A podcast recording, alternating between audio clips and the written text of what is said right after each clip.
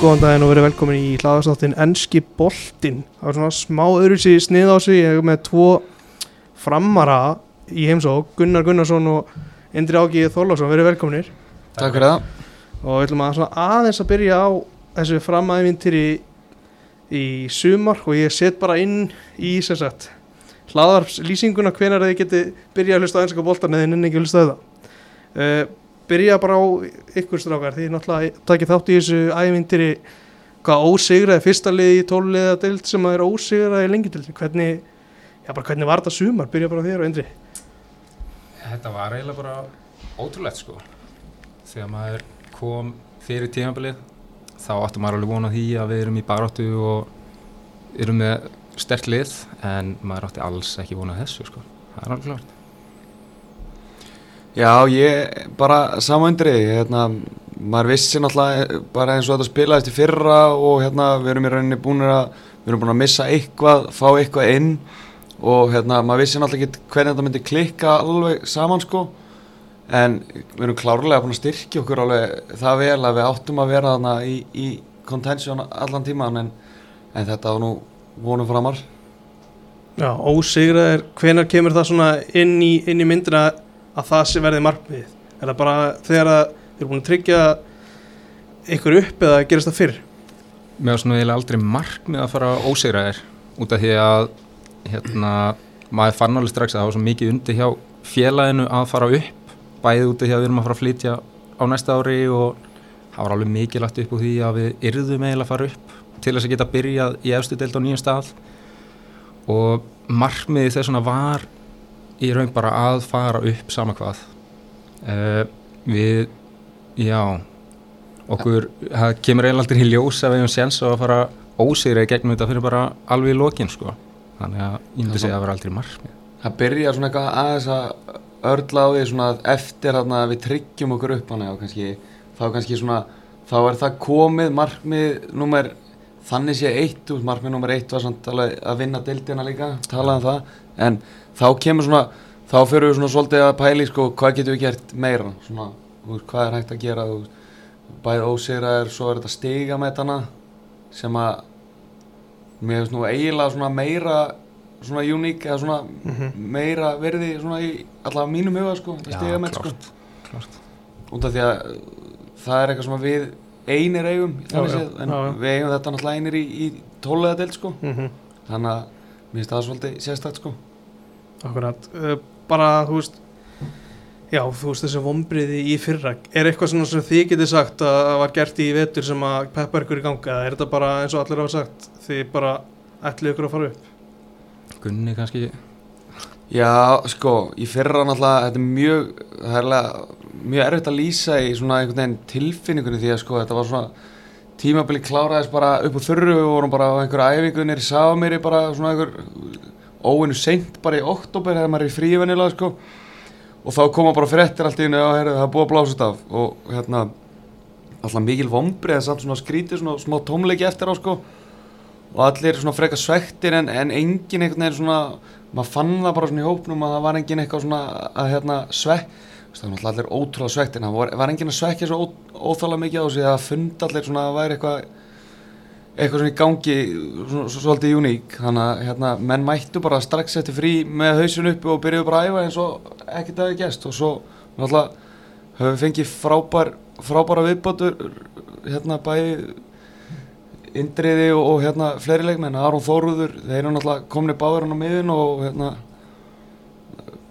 að mínum að allavega með langbæstu miðun í dildinni þannig að, þannig að þetta hefur einhvern veginn bara smotlega allt og hérna Stein og Nonni púslaði helviti flottlegi Akkurat, þið talið um þessa nýju aðstöðu verður allt bara klárt fyrir fyrsta leik?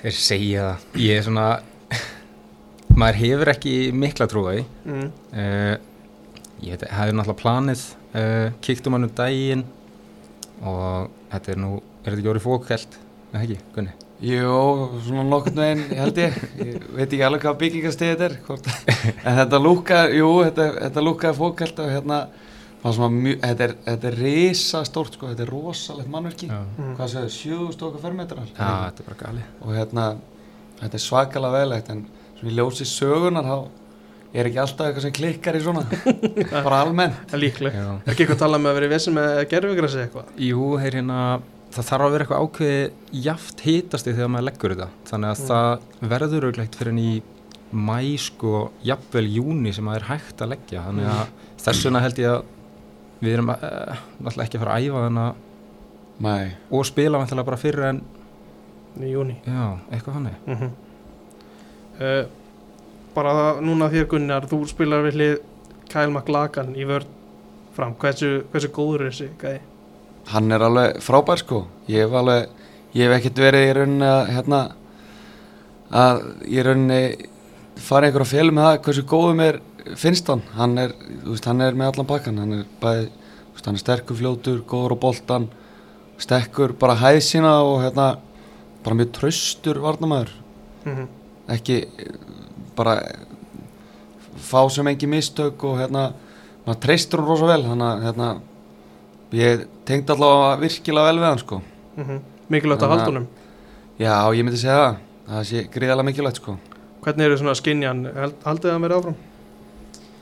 hann gefur ekkert upp Nei, einmitt, hann, hann segir voða lítið, hann er núna, hann ekki að fara til Fraklands í frí eða eitthvað. jú, hann var eitthvað að posta eitthvað á Já. hann hann var búin að kaupa með og PSG leikin sýntist mér, Já. sá bara leiðninga hérna, ég held að sé að fara með Fred Já, ok. ég held að sé að fara saman á PSG leikin hann var alltaf að tala um það að Fred hann var að fara hana á leik en ég, hann gefur rosalega lítið upp sko, hann er alveg hann, má eiga það, hann er ekkert að hérna, freistast til þess að vera eitthvað að gefa eitthvað info sko, hann er alveg fögull sem gröfin sko. En hérna, já, auðvitað vonum að hann verði áfram og kannski aðalega bara ef hann verður áfram á Íslandi Mm -hmm. þá finnst manni að hann eiga að vera hjá okkur sko. Já. Út af því að maður verður ekkit eitthvað pyrraður eða eitthvað þannig ef hann fer út sko. Það er bara gaman sko að, að það opnist fyrir honum sko.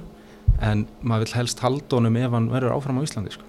Akkurat uh, Gunnar, þú komst inn á það að þú framlengdir fyrir stuttu til tökja ára já, Hvernig er svona stann á þínum álmyndi? Uh, ég er bara að fara að hitta á í vikunni, segja þér alveg. Mm. Uh, já, og ég trú ekki öðru en að við bara náðum saman sko. Ég ætla að hef voða lítinn áhuga að fara annað, Mm en maður bara, maður veit aldrei. Akkurat, þú komst inn á það líka Gunnar á þann með að þið voru með bestu miðjuna í dildinni Það var smá umræða núna um helgina þegar að lið, lið hérna ársins var, var tilkynnt Hefur þið viljað sjá fleiri framar á þeirri miðju? já, ég bara skil indriða bara vel. Nei, ég segi svona, hérna, ég er samt, já, ég hef alveg vilja, þú veist, ég meina, þú veist, það er alltaf hægt að segja það, þú ég meina, Guðjón Pétur er frábær leikmaður og allt það og hérna skilaði miklu fyrir íbjöf, en þú veist, ég er náttúrulega klárlega ekki hlutlaus, en mér finnst bara miðjan okkar eins og leggur sig bara þeir þrýrana, mér finnst þeir bara, bara frábær balans í þessari miðju, allir svona með sitt hlutverk og bara hafa leista frábæla allir, þannig að, já, ég er svona, það er náttúrulega alltaf einhverjir aðrir hérna veist, Daví Áspjörs var ekki inni heldur það Nei. hann var náttúrulega hann var rosalega mikilvæg fyrir kórdringina svona bara, bara sem einstaklingur sko Mhm. en, en já ég mér finnst þeir hafa eitthvað til síns máls liðsfélaga mínir Já, uh, klárlega já. Þjálfari ársins var nokkuð augljóslega Jón Sveinsson Hvernig, bara enda þess að fram umræða kannski þar Hvernig svona þjálfari er hann? Er hann, þú veist, er hann grínist, er hann bara slakur, hvernig er hann? Eila bæði. Eða svona, já hann er bara svona rosalega góður félagi og bara svona mjög jarðbundin náungi Mm Já. nær, nær rosalega vel til allra og Steini líka, bara Steini Steini er svona, hann kannski þeir eru báðið mjög léttir sko Steini er svona aðeins meiri djókari en, en Nonni líka mjög léttur sko en hérna, en hérna Nonni er svona bara mjög jarðbundin eins og kannski hefur sést í viðtölum bara hérna, hann er ekkert að fara fram úr sér og hérna og það er svona frekar auðvelt að líta upp til hans, eh, myndi ég að segja. Já, svo hérna, það er líka bara svo augljós hvað fram skiptir hann miklu máli. Þannig að kannski, það er oft talað um að hann hafi staðis mjög vel að móti fyrir okkur allt tímabilið. Það er bara út af því að honum þykir svo reikalega vænt um félagið og vill að sé á góðum stað. Að það er svona það er erfitt að fylgja því ekki eins og hann talar alltaf og skilur fyrir honum er þetta bara stæðstu klubur á Íslandi og maður vill bara sjá félagið þar sko Mhm. þegar maður hlustar á hann að tala. Hefur hann tekið reyðiskastið á æfingu?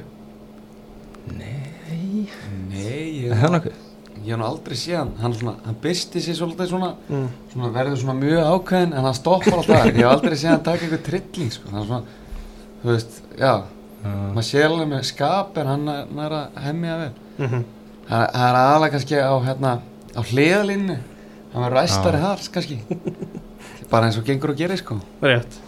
Uh, það var eitt sem ég dætti í hug, og hann alltaf þú ert að spila með bróðinum Alexander. Hvernig, hvernig er að vera í sama liði? Er það, er það, getur það verið trublandi á einhverjum tímabótum? uh, það er kannski trublandi að ég er mjög meðvitaður að hann er hana Mm -hmm. og ég kannski mér finnst ég, mér langar svo mikið að leggja upp á hann að ég kannski svona dálítið litaður af því að ég svona reyna að gera, ég held ég hafa ekki reynda lagt upp á hann í sumar sko og ég sé, skilur, ég sé alveg bara eftir því og því að mér finnst ég alltaf eigi að leggja upp á hann eða eitthvað en nei, nei, það er bara ógislega gaman sko og náttúrulega bara mjög sérstætt að, að fá að spila saman loksins sko Mhm. Tekur þú eitthvað eftir? Er það alltaf að hanga saman eða eitthvað svo leiðis?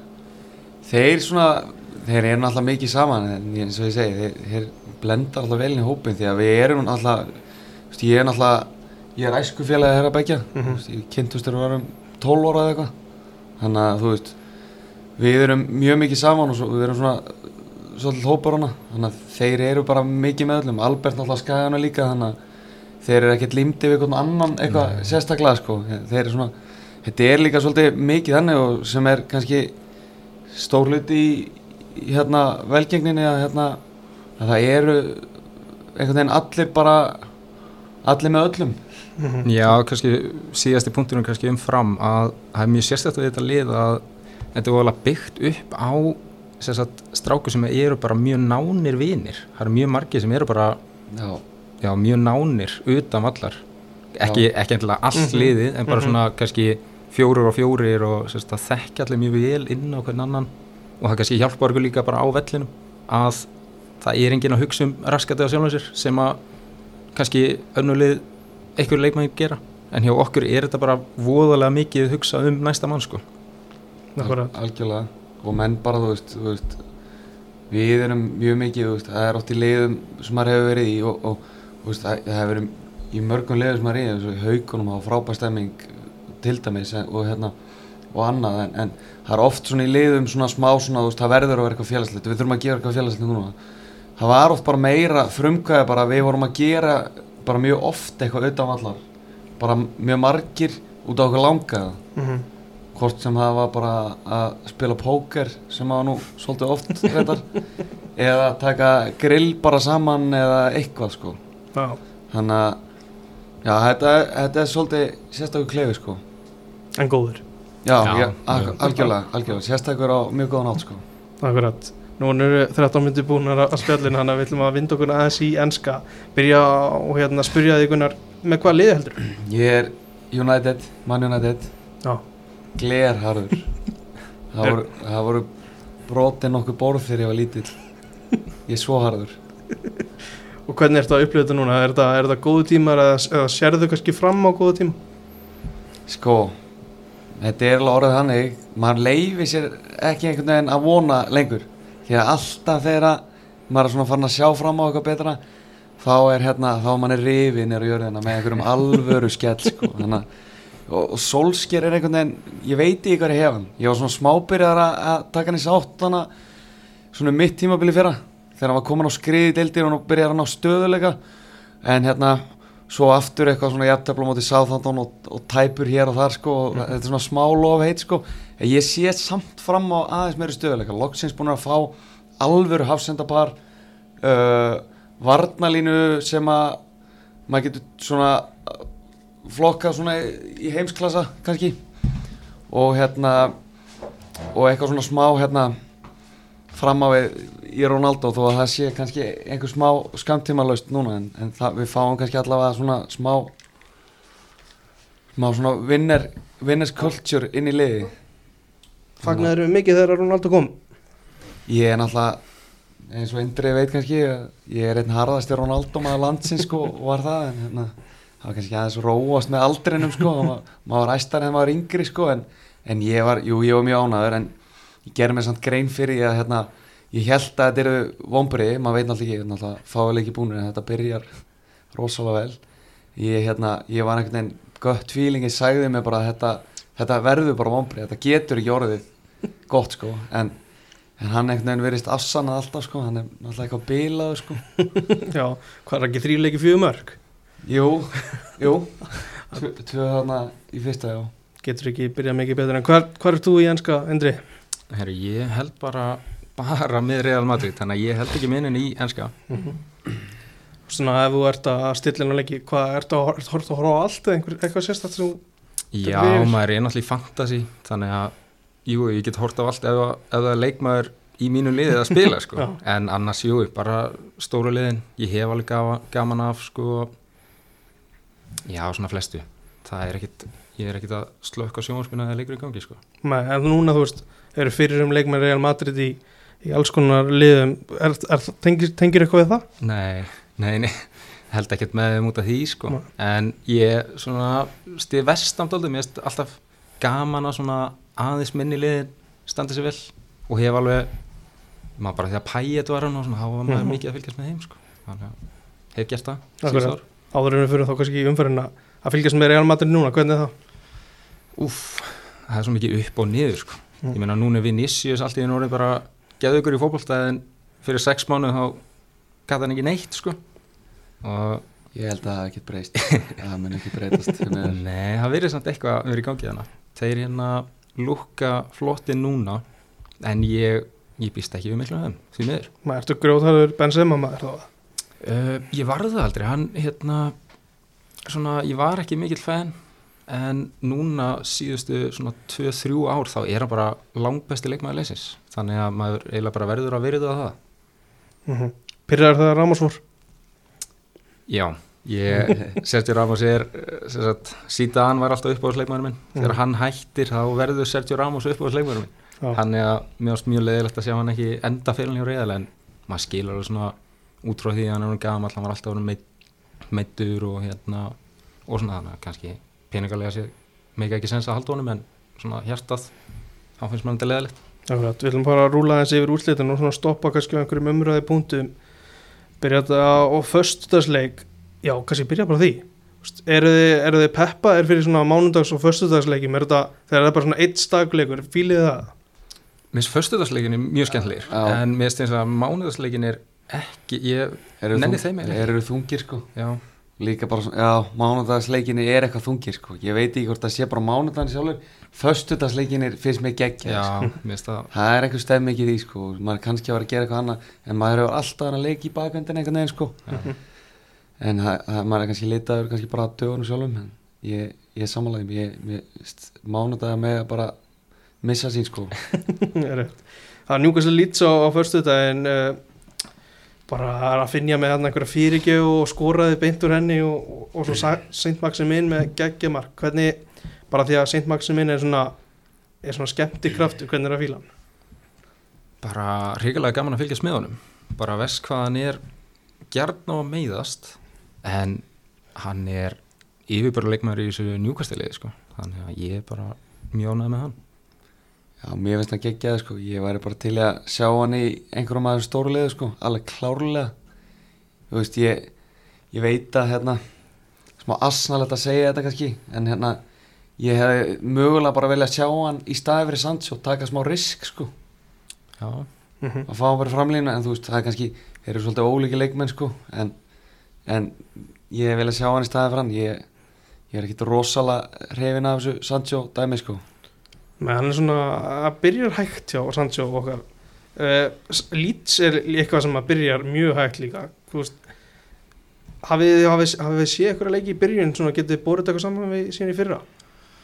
Úf uh, hvað, náttúrulega í fyrra þá var þetta svo mikið fest, svo mikið uh, mikið stemming í gennum klubin að vera nýkonur upp eftir svona langa tíma og maður skilur það að þá eru leikmenn kannski ennþá meira tilbúinir í verkefnið uh, ég veit ekki alveg hvort það sé þetta second year syndrom dæmi núna, ég hef eiginlega ekki trúið út af því að mist bara Þeir eru aðeins og góður held ég sko, já, bara það svona, er alltaf mikið á góðum leikmennum hann sko, og náttúrulega er að finja mjög góður og fleiri. Mm -hmm. uh, en já, þetta byrjar ekki vel. Sko, það sem ég finnst með Leeds er að þú veist, þeir eru náttúrulega sko, miðju, mið, miðsvæðið og út á kanta og svona fram á við er alveg frábála velmanna Mhm. og þú veist, þú ert með þarna þú ert hérna bæðið með hann hérna St- Stuart Dallas og hérna heit hann ekki Jack Harrison sem er kæfti frá þeir endur að kaupa hann frá City í jú. gengur ekki frá því Jú, Jú. Og svo hann hérna stóli úr mér hvað hann heitir Phillips eða- já, Callum Phillips, Já. Callum Phillips. Mhm. og hérna sem er náttúrulega bara Gary Neville var náttúrulega var hann ekki að tala um að hann er besti með maður deildarna ég, ég, ég, mér finnst það ekkert gali teik þó að það sé frekar hot teik sko og svo náttúrulega Rodrigo hann sem kom frá Valencia Mhm. sko mér finnst furðulegt að þeir skildi ekki hafa styrt vörnina meira þeir fengu hann eitthvað Junior Firpo hefði ekki frá Barsa. Barsa sem er alveg svona létt heilaleg stundum sko Mhm. en samt alveg svona nokkuð fastu fyrir og, og ágæti sóknarlega sko. En þú veist, þeir kaupa hann að Daniel James. Þú veist, jú, hann, hann fittar inn í hugmyndafræðina hann hleypur endalist og allt það sem er bara bjelsa hugmyndafræðin og þetta stemmingstæmi sem er í gangi.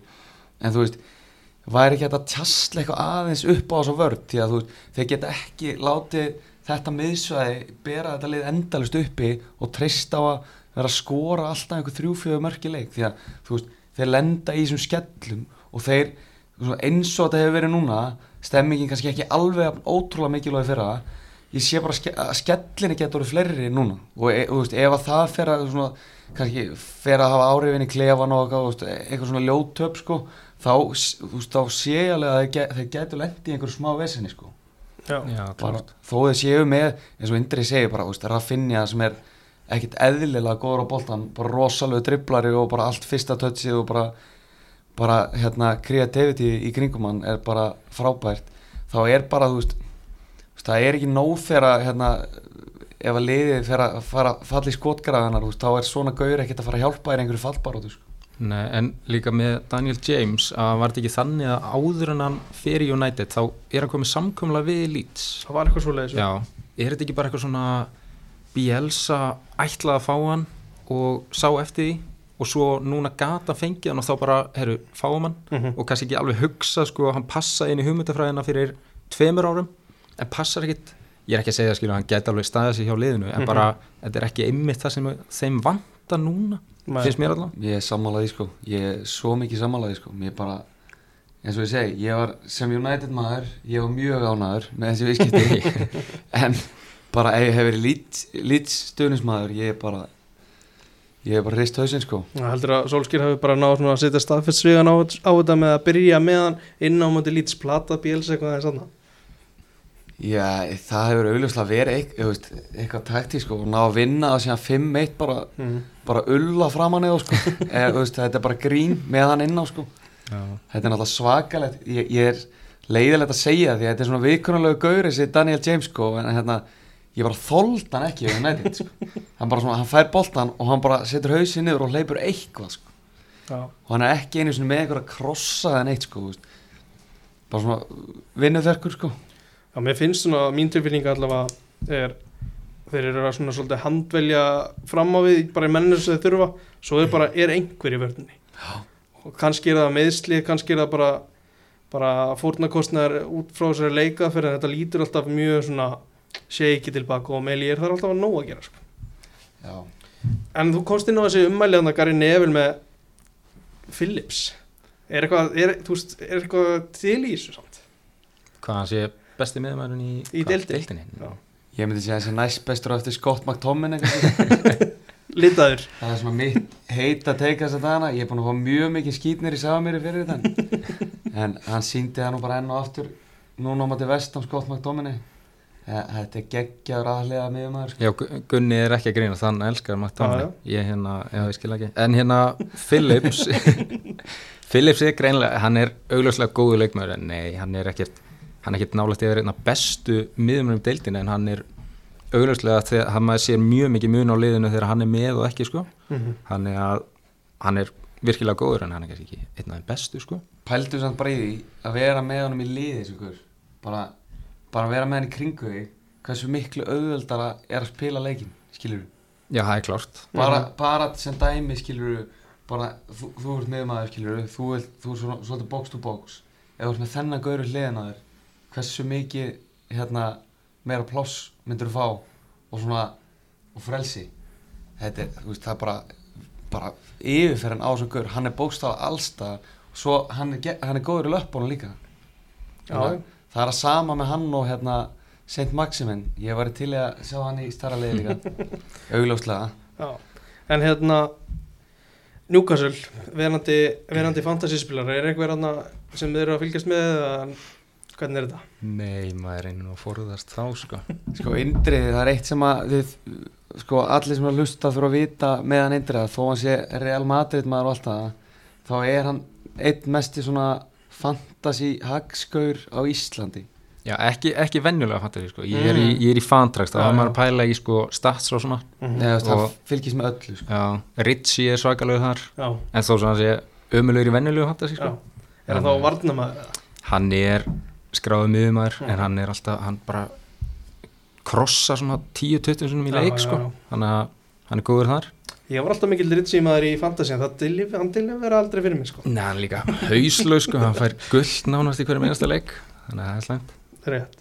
Uh, lið sem er í, í miklu vandræðum í byrjun tímabils er, er Wolves ég ætla að nú geta eða eitthvað allt og miklum tími það en Brentford hins vegar þeir leggja á 2-0 og, og það var hérna já Brentford er bara að koma mjög stert inn í þetta í efstu deilt eftir að koma upp í, í sumar. Já, komið mikið óvart út af því að ég held að Brentford var eitthvað svona eða sérst, væru aðalega þekktu fyrir svona vel spilandi fótbolt og eitthvað hannig, Mhm. en þeir eru bara ógeðslega þjættir og skipulaðir og hvað er búin að fá sig, eitthvað tvö, mörg, tvö mörg í deild sem er náttúrulega svakalegur árangur og það er ekki eins og þetta sé búið að vera auðvelt prógram eða eitthvað hannig þannig að þeir eru bara mjög mikið hróskili Þeir eru miklu meira fysikalin helt Já, og bara svona, þú veist, já bara þessi æfa tóni framinn alltaf það Mhm. þú veist, þú náttúrulega ert með svona gaur þá, þá ertu kannski ekkert eitthvað að fara að breyta honum eftir einhverju leikstíl hann spila bara svona, þetta er bara alveg nöyt sko. Já, búið hana við drogba og eitthvað. Já, ég veist, hann leggs bara á menn og postar. Já, og þú veist, það er mjög skemmtilegt að sjá hann þetta er svona, þetta er svona hreyfingar svona, einmitt sem minna svolítið á drogba svona, ég, bara eins og sem dæmi hana, svolítið skemmtilegt veist, það var ekkert eitthvað skrýmur sko, en marki sem hann skoraði um helgina hana, Mhm. sem hann dæmt af þegar hann chestar hann svona og tekur hann með hælnum í netið sko, Já. þú veist, þetta er svo yfirveð og þetta er svo náttúrulega hreyfingar af hann hann er bara svona, hann er bara gólskori sko. Já, það er líka stælar í hann ætlaði hann ekki að skora, skilur hann ætlaði að skora fleiri en Bamford og eitthvað svona hann var Já. alveg með stæla fyrir tímabilið þannig að þetta er alveg karakter og, og góðu leikmaður, það er augljóst ég sá náttúrulega Arsenal leikin Mhm. Þeir voru í mjög miklu vandræðum bara með skrokkin á hann sko, kannski ég mikið, þessi Arsenal vörn er nú ekki, nei ekki sérstök sko, en samt bara þeir voru í mjög miklu veisunum með. Þú sagði mig fyrir þátt að vinhópurinn svolítið Arsenal með í Indri. Já. Ertu, þarftu að horfa á Arsenal leiki með þeim eða hvernig, veist, hvernig er staðan í því? þegar ég bjóð upp á skaga þá, já, þá mætti oft sko út í að við vorum þrýr sérst á sama aldrei ég tvíbarabróðum og svo hefur stjúbróður sem er jákvæðan við þeir báðir asanamenn og það var oft bara 6-7 menn mættir að horfa á asanalegi heima í okkur þannig að ég er alveg með taugar til asanal en held nú ekki með þeim sko Nei. En hérna, stats, einhver leikmaður í Brentford sem ert að svona skoða og rótir inn út kannski.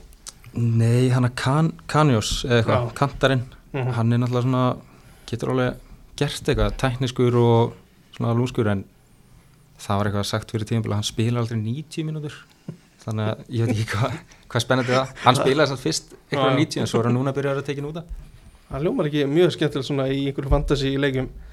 Uh, Wolves, ég bara, það gengur ekkert. Nei, sem að svona kemur mér eiginlega óvart út af því að ég er alveg að fylgta spennandi leikmannum hana Mm -hmm. en sóknarleikun hann alltaf deyr bara þegar þið komast yfir miðju og náttúrulega eins geðu ykkur Adam Tróri er þá eru örglega sko eins og er erfitt að díla við hann að þá ertu samt bara sem varnamæður eru bara hlöftu á mig og neldu framhér sko, bara please, gerðu það. Ekki kunni, er Mér finnst það snúða svolítið ómikið um hann núna einhvern veginn, hann er bara svona, þetta lítur og svo vel út allt eitthvað svona, já, eitthvað alltaf sagt þetta leiki eitthvað, Adama Tróri var mjög frískur og eitthvað, en svo hugsa maður bara, herru, ok hvers það liðið að gjalda samt fyrir það? Þú veist, bara í heildsinni sko þú veist, hann er bara driblandi og driblandi og driblandi og hérna, síðan kemur bara í rauninni ekki neitt út úr því sko. Ég, Nei, og sko sem miðjumæður þá er geðvögt að hafa fljóta kantmenn. Þegar það er sko vilja að fá boltan baku vörnina. Hann er bara fljótasti leikmaður í heimi eða eitthvað. En hann vill ekki fá boltan aftur vörnina, Mhm. hann vill bara fá hann í lappir og taka mér á. Sem hann er, skilur hann, hann ræður ekki við hann. Mhm. en bara ef hann væri, myndi eitthvað til að bjóða upp á það að bara stinga sér að þá hérna geta gert svo mikið meira og eins og í fyrra með minnir að þegar hann skorar sko hann að tvö múti sitt í eða eitthvað þá var hann frammi. Og þá var vörnið að sitt mjög hátt uppi og hann bara í eitthvað einn og einn og bara stingum henn af. Þegar hann er út á kanti þá það bara kemur aldrei upp. Hann fæ boltan aldrei inn fyrir, hann fæ hann bara í lappir og skilur snýr sér í tvo ringi, hleypur og krossar eða skýtur og kemur alveg eitthvað út úr þessu en bara þetta er svo erfitt. Já, hann er svona lengra, lengra frá því að komast í, í hans kannski drauma stöðu þegar hann er út á vagnum Já, og líka ef þú ert að hlaupa með boltan 20-30 metra að það er bara svo erfitt að sparki boltan eftir svona langa tíma, skilu, þú vilt helst bara taka 2-3 töts og sparka í staðin fyrir að vera að hlaupa með að 30 metra, ertu bara orðin þreyttur og þá náttúrulega eins og hann gerir mjög ofta bara sparka hann út af, sko. Já. En hérna, herri, já, fyrir ekki, bara Trinká, mér finnst hann spennandi leikmaður. Mm -hmm. en kannski ekki mikið búið að koma út úr húnum en mér finnst hann mjög skemmtilegur. Hann er alltaf ábærandi einhvern veginn. Já. alltaf hérna í hérna svona actioni í bóksinu og hérna koma sér í einhverju stöður sko. Já, og svo líka hérna Greiði Rál Jiménez Já, hann er því miður bara búin að vera hræðilegur, hann reyndi sko svona Rabona cross í leiknum sem hann datt sjálfur og bolti fór út af sko. Já, hérna þetta er kannski erfitt að Því- svona þeim, þeim finnst þeir auðvitað þurfa spilunum Já, eftir þessi meðsli akkurat. hann er alltaf góðu leikmæður, það er auðvitað erfitt að koma inn í þetta eftir svona hræðileg meðsli meðsli sko. Og bara byrja eins illa og hann er að gera að, og svo er náttúrulega engin það er hann að Fabio Silva, hann að ungi hundrabanni frá Portugal. Já, guð mig á góður, eftir honum. Já, jú. minnst ekki á, á þann meistara ógrátandi sko. Það hvað er- það eitthvað? já, hann getur bara ekki skora margt til að bjarga lífi sinu Nei, ég en hann er ungur en þá ég, Já, maður sé samt ekki alveg hvernig hann á að fytta inn í þetta. Nei, þú veist, hann er ekki einu svona koma sér í stöður og þegar hann gerir það þá bara vantar öll gæði í slútt og annað sko, en þú veist eitthvað lítur hann hafa geta úti þannig að fyrst hann var fenginn á hvað metfið ekki? Bara fárlega verð með að með að við já, bara fyrir stöð, hann var ekki búin að spila með aðalinn að viti sko. hann var náttúrulega besti leikmæðan í fútbolmanager sko. já, já, ég Já. var ótt að lendi því að ég glemd að kaupa hann og þá var hann mættur hann að skora alltaf á mótum hann það er að fyrir mig yfir í, í næsta leik. Norvits 1, Watford 3 þar erum við með Ísmæla Sarra sem að setur tvö mörg, það er svona leikmann sem orðaði við stærri en einhvern veginn er hann ennþá hjá Watford. Já, mér finnst bara vel gert þeim að halda í hann. Maður hefur samt ekki heyrt sko að einhver hafi bóðið Nei, hann. Maður nei, hefur bara heyrt að lið hafa áhuga á hann Mhm. kannski eru lið að býðast í að hann síni sig í Premier League sko. Er ekki að veðja á hann út í að vermiðin hlýtur að vera hár. Já, hann ekki, hann er ekkert það gammal nei, hann er hérna hvað er hann? Hann er 98 mótel Já, á, einmitt. Sest, þannig að hann er alltaf að fara að kosta peningi á hann fyrr hann að ég hugsa ef hann heldur þessu áfram að vera bara besti leikmaðin í Watford að þá hlýtur hann eiginlega að fara sko. ég trú ekki að Mér finnst sko alveg sérstaklega gaman að sjá hjá honum sko reyfingarna inn í bóksin og annað. Bara eins og í, hvort það var ekki annar markið hann stingur sér fram yfir, Mhm. fram fyrir leikmanni sko, hann kemur sér algjörlega á blindulegina og er nákvæmlega, hann stendur þannig að hann getur slúta fast í fjárhjóðni með hægri fætunum einhvern veginn. Og hérna, hvernig lætur hérna menn, kemur á blindulegina á mönnum og hann verðist vera nokkuð klár með staðsetningar og svona reyfingar sko. En þú veist, svo eru náttúrulega ímsir svona ókostir svona eins og hérna þú veist að tengja og einhver, einhverju krossar og eitthvað, en mér finnst hann ekkert eiga að vera í því sko, nei, hann, hann er bara ekki af góður í því en hérna, mér finnst slútið hans, hann heldur öflur slútari sko, mm. Hann er, já, hann virðist vera svolítið mark heppin og maður hefur séð sko Sadio Mane talar alltaf reglulega vel um hann og það er svona þannig einhvern veginn heldur maður að hann gæti endað í Liverpool eða eitthvað já. En svo voru anstæðingarnir Norvits, það er bara það er, það er eiginlega sama verið tveimur árum nema þeir byrja núna umula Já, Já, hérna ég var að sjá að Brandon Williams er komin hann í bakur hvernig, eða sérst Það er enn einu slæmi fréttina fyrir það frábæra fréttur í United samt, samt tíma. Við erum búin að selja Við erum búin að hrikalega góður að selja núna. Já, Þannig að ég, já, ég var aldrei brandóviljans maður hrikalega soft bakverður og, og lítið að færa, fram að færa sóknarlega nefnum þetta var eina mark sem að skora á móti Sheffield í 3-3 öllubleginum ári já svo var ég að sjá hérna mörkin í þessu leik og með hans grant handlega líta hræðilegt út. Já. ég held sko, var hann ekki alltaf hann í Blackburn hann að átt að vera svaka efni. Voru hann og Phil Jones saman þá? Mhm. já, Va- þá var maður eitthvað, er, þetta er einhver grjótaru gæði eitthvað, maður held að hann erði bara stór sæni hjá stóki eitthvað, maður veit það ekki. Og mér, ég, finnst ótrúlegt að hann sé að spila hana með bandið sko hlæjandi sko. Já, já, þú veist, maður sá bara hérna, þú veist, Tim Kröll var náttúrulega ekki góður í þessu leik heldur en, en hérna, maður sá samt bara sko á honum bara í þessu mörgum sko, hann er bara vel þreyttur á þessa línu fyrir fram að sig sko, hann er náttúrulega reynslubolti og, mm Mhm. hefur verið með nokkra línu fyrir fram að sig sko, en maður sá bara svona vonleysi bara að þið fengu markið, hann var bara, hann var vel bara pyrraður á náungunum fyrir fram að sig.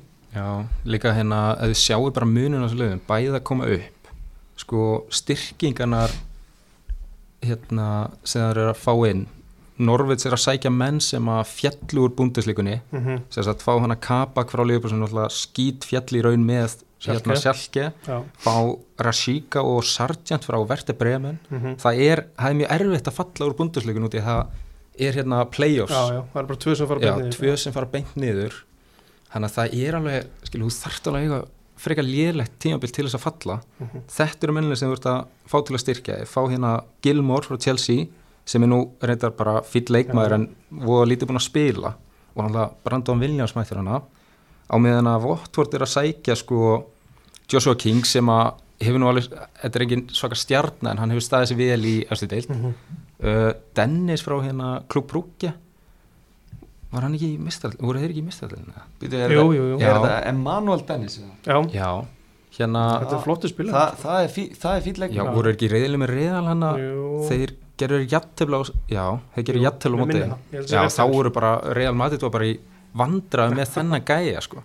Þeir eru að segja hann, svo fáðu Sissoko og hérna skilur, hvað er Norris að gera? Þeir, er bara, ég skilja það ekki þeir eru bara, þeir selja hérna búin dýja koma svo bara á nulli í transfers og svo fara inn yfir fá hérna parachute payment Mhm.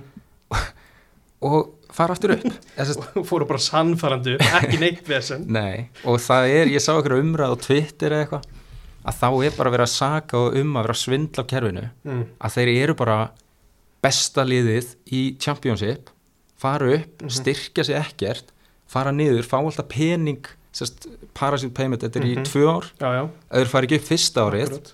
þá bara kaupa leikmenn, fara upp næsta ár og svo er þetta bara hringras þetta er bara er alveg- algjör grín Alveg er ekstra mótið Já, það er að skoða aðeins í, í Já. skýslutar hann sko. Skemmtilegt þegar menn hugsa út úr bóksi er öðruvísi leið Þetta er öðru sér nálgun á Já, en mér finnst þetta bara ekki eins og ég þekki ykkur á norðið stunismenn en þetta, þetta getur ekki verið gaman sko.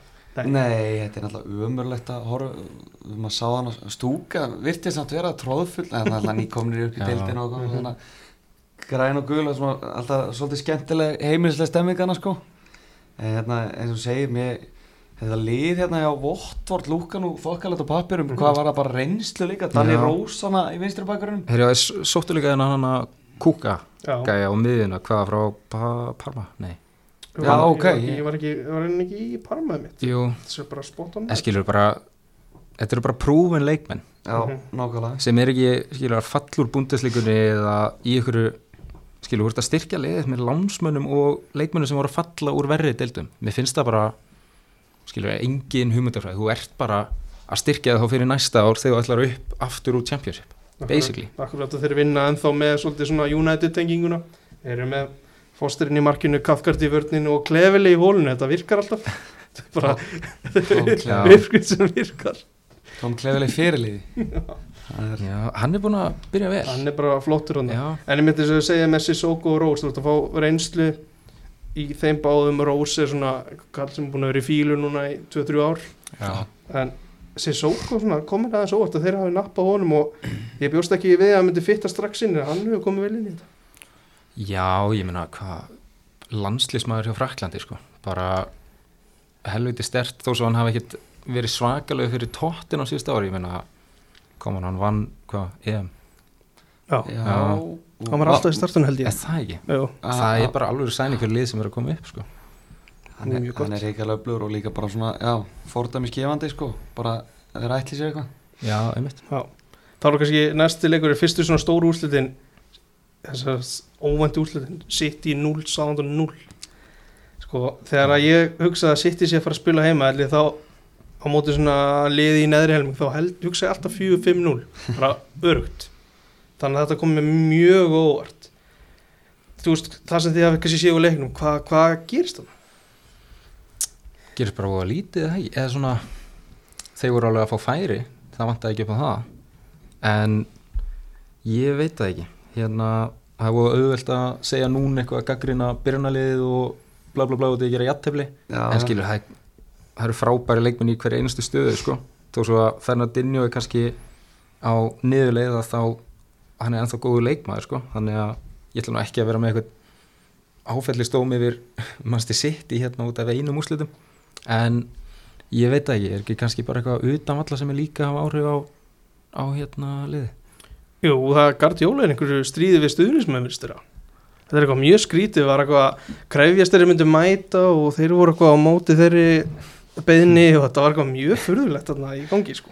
Já, sérst, var hann ekki óanaður út af mestardeldaliknum með Jú, það var léleg mæting þá. Já, 6-3 og skilur ég skil Og ekki stemming og er- Mhm. Já, geðu ykkur leikur á móti Leipzig sem er bara áskrift á Já, það er flöðuðarsynningu akkurat. alltaf, alltaf skemmtilega leikir sko. það er alltaf bara allavega minnstakosti sex mörg sko Mhm.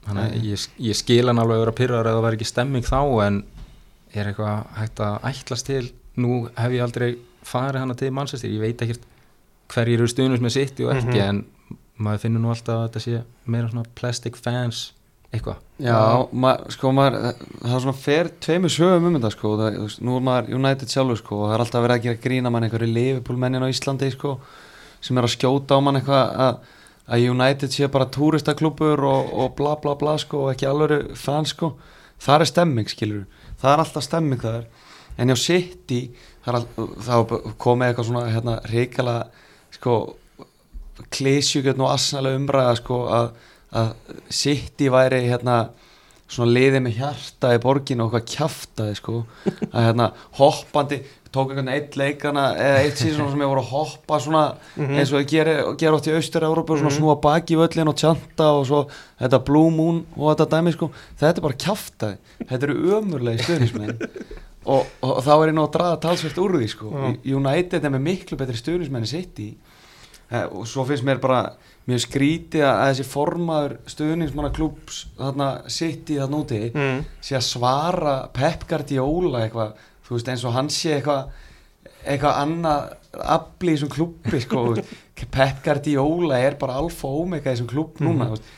ég skil, er alltaf asnalegt að hann sé eitthvað svona hóta hætt eins og hann sé eitthvað ómissandi þetta er orðið svolítið hanaslagur sko Mhm. en málega bara hannig að ef einhver á efna þessu þá er það Pep Guardiola sko hann er bara, Já. þó hann hafi bara verið með góð lið sko þá er hann nú prúin með það að hann skilur alltaf titlum og það er ekkert endilega sjálfgefi sko og sama hversu mikið fjármagn úr með á milli handan og annað að hérna hann er að skil, skila titlunum heima fyrir og hefur líka skilað Champions League þó að það nú, það missamnaði sem bæjarna ekki og og það hefur nú ekki tekist með sitt í ennþá en hérna, það hlýtur nú að fara að styttast í það ef hann verður áfram sko Mhm. En ég er samt svona ég veit ekki, mér finnst þeir vera eitthvað svolítið týndi fram á því sko mér finnst hann ekki vera, þannig hefur hann alltaf úr endalus að velja og hann er mjög klár svona taktíst séð sko en samt sem áður þá þarf hann mann sem er bara þeirra helsti marka skorari Mhm. Já, náttúrulega málið er að fyrst þið fá ekki Kane, missa Aguero ekki það, Aguero var náttúrulega doldið mikið mittur í fyrra Mhm. og gerði kannski mikið fyrir á að þá, skilur, tvö tímabili röð og þú ert í raun ekki með framherja, Mhm. þetta hlýtur að vera skilur, liðhljóta að lesa í þetta líka. Já, að þú þarft ekki að díla við eitthvað gæja inn í teig, það er allir bara eitthvað í stuttu spili hlýtur á endanum að lesa þetta. Já. en, en fattar þú hvað er þrý sigrar eitt jættum leitt tap eh, þetta er ekki hræðilegur áragur en auðvitað eiga er að vinna saðan á heimalli Já, kannski verra er að þessi tölfræði að þeir eiga eitt skot á marki Já, það er svolítið lítið þá, þú veist, og ekki nema, þú veist, maður segir ekki nema ekki nema 64% með boll maður er bara að sé sitt í vera bara með 70 pluss og 10 skot á marki og ef þeir skor ekki þá er það bara svo býtt sko. en þetta er eitthvað, þetta er, þetta er öðruvísi klúður einhvern veginn. Þetta er, þetta er óeinu lítil sóknarþungi með við Etihad sko. Og hérna uh, Sáþandón vera samt vera að ná svona nokk, að loka nokkuð vel á hérna þessi stærri leik sko. Mhm. ég minnst sem bara United mm mm -hmm. svo erum maður náttúrulega líka að tala um bara hvað þetta er vel gert hjá Sáðan út af því að þeir fengur líka alveg færi í þessum leik sko. Það er ekki Já. svo að þeir voru bara pakk í vörn.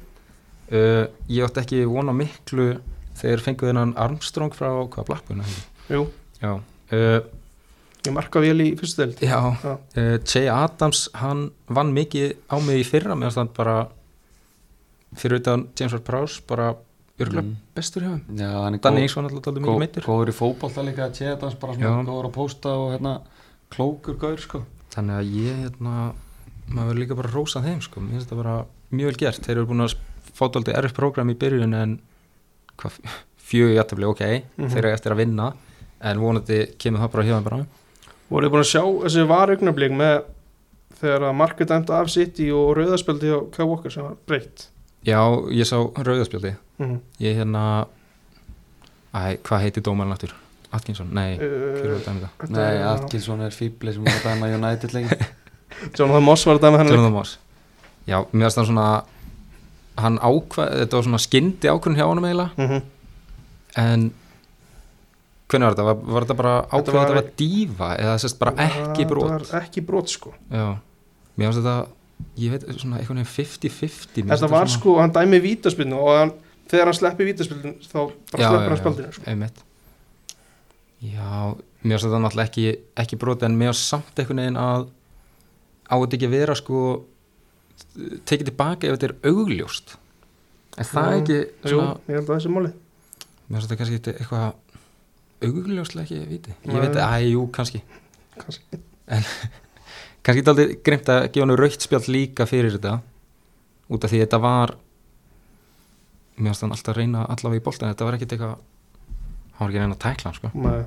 ég var bara sjálfur búin að sjá hérna í uppbútt tímanum það var mjög óljó, óljóst einhvern veginn þetta mark sem þeir skora á 94 sem er dæmt af. Já, en ég get ekkert eitthvað rætt það ég var ekki búin að sjá nú góð sjónur orðna að því sko. nei, en sitt í húst, hvað tíu stíg þeir geta alveg sér í gang aftur það lítur að Já, já en sko Ég alltaf- var að sjá bekkin hjá hann það er, sérst, það er fjóri gæjar á bekk sem að geta mögulega koma inn að svo er bara eitthvað einhverju gæði sem ég bara aldrei heyrt um Scott Scott Carson. Carson, já, Já, já. Scott Carson er hana. Ég, bara, ég veit ekki alveg hvað það er. En já og svo náttúrulega líka af hverju er kemur til bráinu á bekk, ég veit hann er að koma úr meðslum hann kom alltaf allt og snemma. Mhm. það hlýtur að vera ástæðan. Og hann hefur verið alveg gjarn á það að hann er fljótur að koma tilbaka og er bara ekki alveg heill og svo meiðist hann aftur. Hann skil ekki alveg hverju er ekki bara búin að læra inn á hann út af því að hann er þetta er náttúrulega allt annað lið þegar hann er með. Og ég man uh, hvað meðist hann á móti í Ítalíu? Á móti var það ekki Portugal? Var það Portugal? Já, var það ekki. Ég, Sko- held, ég held að það veri Portugal. Já, hann hlýtur að hafa rifið eitthvað í ristin á sig þá Þegar hann fór aftan í hann í já, hann festist hann í jörunni ég Það lendi, leit- það leitt mjög illa út. ég lendi í vetur.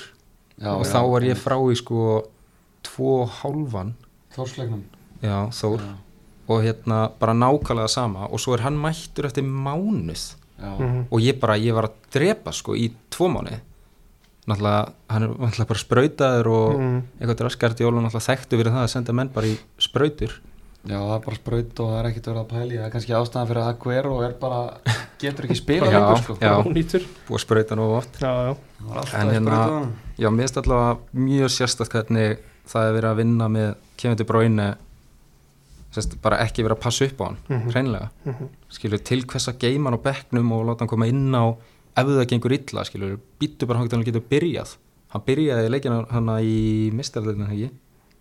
Jú, var það ekki á móti Já. Leipzig Já, Já.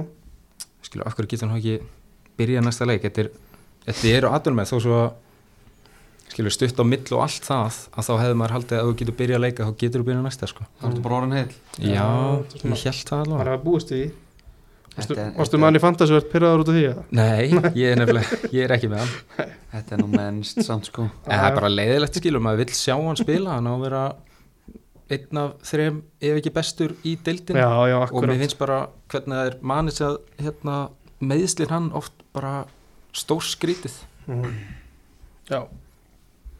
Að næsta leik. Liverpool 3-0 á móti Palace Sadio Mane, Mo Salah og Naby Keita með mörkin. Þú veist, er þetta ég, það sem að ég sá af svona klippum úr þessu og, og helsta var að Liverpool var ekkert voru ekkert, þeir voru ekkert frábærir en þeir unni samt 3-0 og þetta var eiginlega aldrei neitt viss Þetta var freka shaky inn á milli. Hvað var eftir einu og hálfa mínútu er að hérna einhvern veginn boltinn skoppar hann á milli Milner og Alisson og Saha eitthvað svona hálftötsar hann Mhm. og hann slæðir hann í stöngina. Þú veist, þá, þá var maður svona ok, býtu, herri, þetta geti þetta geti verið eitthvað. En svo var svona inn á milli svona Pallas átti alveg sín breyki í þessu leik sko en, en hérna en maður er svolítið hrættu við þetta þetta er svona svipað bara yfir, yfir sig að Liverpool núna og, og var sko. Mm. sagt, fyrir síðast tímbil þeir eru aftur byrjaðir að, að vinna svona leiki sem er kannski ströggla smá í sem er að þau tapa kannski 1-0 í fyrra allir þessi leikir. Akkurat. Þannig að Já, já mér finnst bara mér finnst náttúrulega Kristapalas mjög slagir sko. Já, þannig að það komur kannski ekki óvart að þeir unnu á en með James Milner í hæribakur og Tsimikas hinum einn og Konati að spila fyrsta leikið sinn mm að þá er náttúrulega bara hreikalega stert að halda hreinu og vinna og síni bara enn og aftur hvað Van Dijk er bara þvílíkt skrimsli sko. þetta er bestið afsett í heimi núna þú veist, það er bara, það er ekki debatable Nei, sko. þetta er þetta, bara er, eitthvað svindlkall sko. þetta er rosalegt að horfa á hann, þú veist, bara öll elementin í, í hans leik sko, bara hérna bæði, þú veist, hann, hann er með hann skrokk sko, er mjög þungur en samt með hraða sko Mm. og, og allan á stökkraft svo er hann bara svo hrikalega klár sko. Já, hann er það. Og, og góður á boltan og alltaf þú veist, maður sér bara munin á öllum sóknarleiknum þeirra líka sko. Bara uppspilið allt sko. Já, hann náttúrulega hérna, ef þú ert solid ef þú treysti varnalinni þá bara uh, hann kemur svo mikið sjálfströst með því. Skilur, miðjan getur ítt ofar, sóknir getur ítt ofar þarft ekki að hafa áhyggjur uh, náttúrulega Leopold er daldi mikið með hann að Sala og Mani er ekkert allavega Sala býður daldi mikið frammi bara Mhm. og þegar þú ert með Van Dijk að þá getur þú leftið svo mikið skilur, þú getur svindlað í vörnum þú bara veist að hann er að fara að vinna skallabólta hann er að fara að vinna návi og líka bara heiliðinu skýt hrætt sko. þú ert ekki að sækja mörgum önnum á mótiði og það er kannski það sem gefur Leopold svo mikið sérst, Van Dijk gefur Leopold svo mikið að þegar hann var ekki að þá gátu lið kannski farið ofur á völlin jafnvel pressa á eða eitthvað og átt sjens í þá en núna að þá skilur þú þorir ekkert að fara með línuna ofar ef að sali bara býða hann að manið er upp í línu og Van Dijk vinnur allt að þá færðu bara skilur tvo, þrjá menn strax á þau sko. ég, það er hræðilegt að lendi í þessu örugla Akkurat uh, það er einhver einn eiginleiki sem þú mættir velja frá Van Dijk hver, hver er þessu eiginleiki?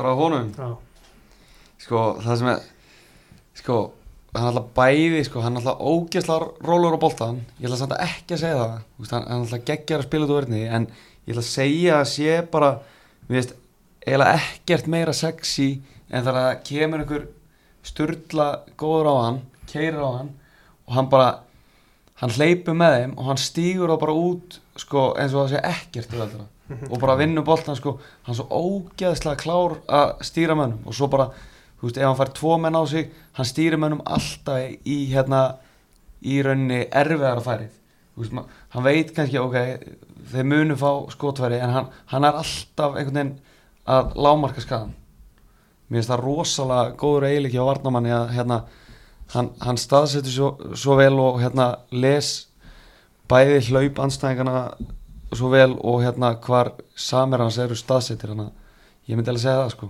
Bara hann awareness. Mm Ég myndi, þú veist, erum við ekki að sammála um það að Van Dijk sé mikilvægsti leikmanni líf Jú, alltaf ég. Jú, hann er eiginlega svona ef þú tekur hann liðinu þá missir það bara svo ótrúlega mikið sko. Mhm.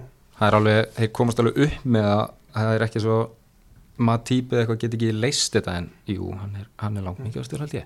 Og hver er svona úst, Gómez, Konate, Matip hver á að vera með honum í, í bestu línni Vá, uh, Gunnur, kannski með það Sko ég er með smá sterkar skoðanar á þessu. Mm. Sko ég, ég þekki náttúrulega Konati minnst sko Já. Ég er ekki með mikil fan mm. Því að hérna, maður sá hann aðeins í meistaraldildinni fyrra Sá hann í þessu leik og svona Hann er sko, hann er með svakalan skrokk En hann er bara soft Mm. Átti hann ekki að fá vít á sig í þessu leik hann hann hékk í utan hjá Edu honum, Art sko. hann, Já. bara, hann bara stóð af sér hann á bótunum sko það er bara fáralegt að hann hendi sér ekki niður Já, þetta er bara, er bara enn eitt dæmi um bara hversu soft hann er og svona klaufi svona út af því hann er bara hérna missi menn, hann fer ekki almennilega í nái og eitthvað svona.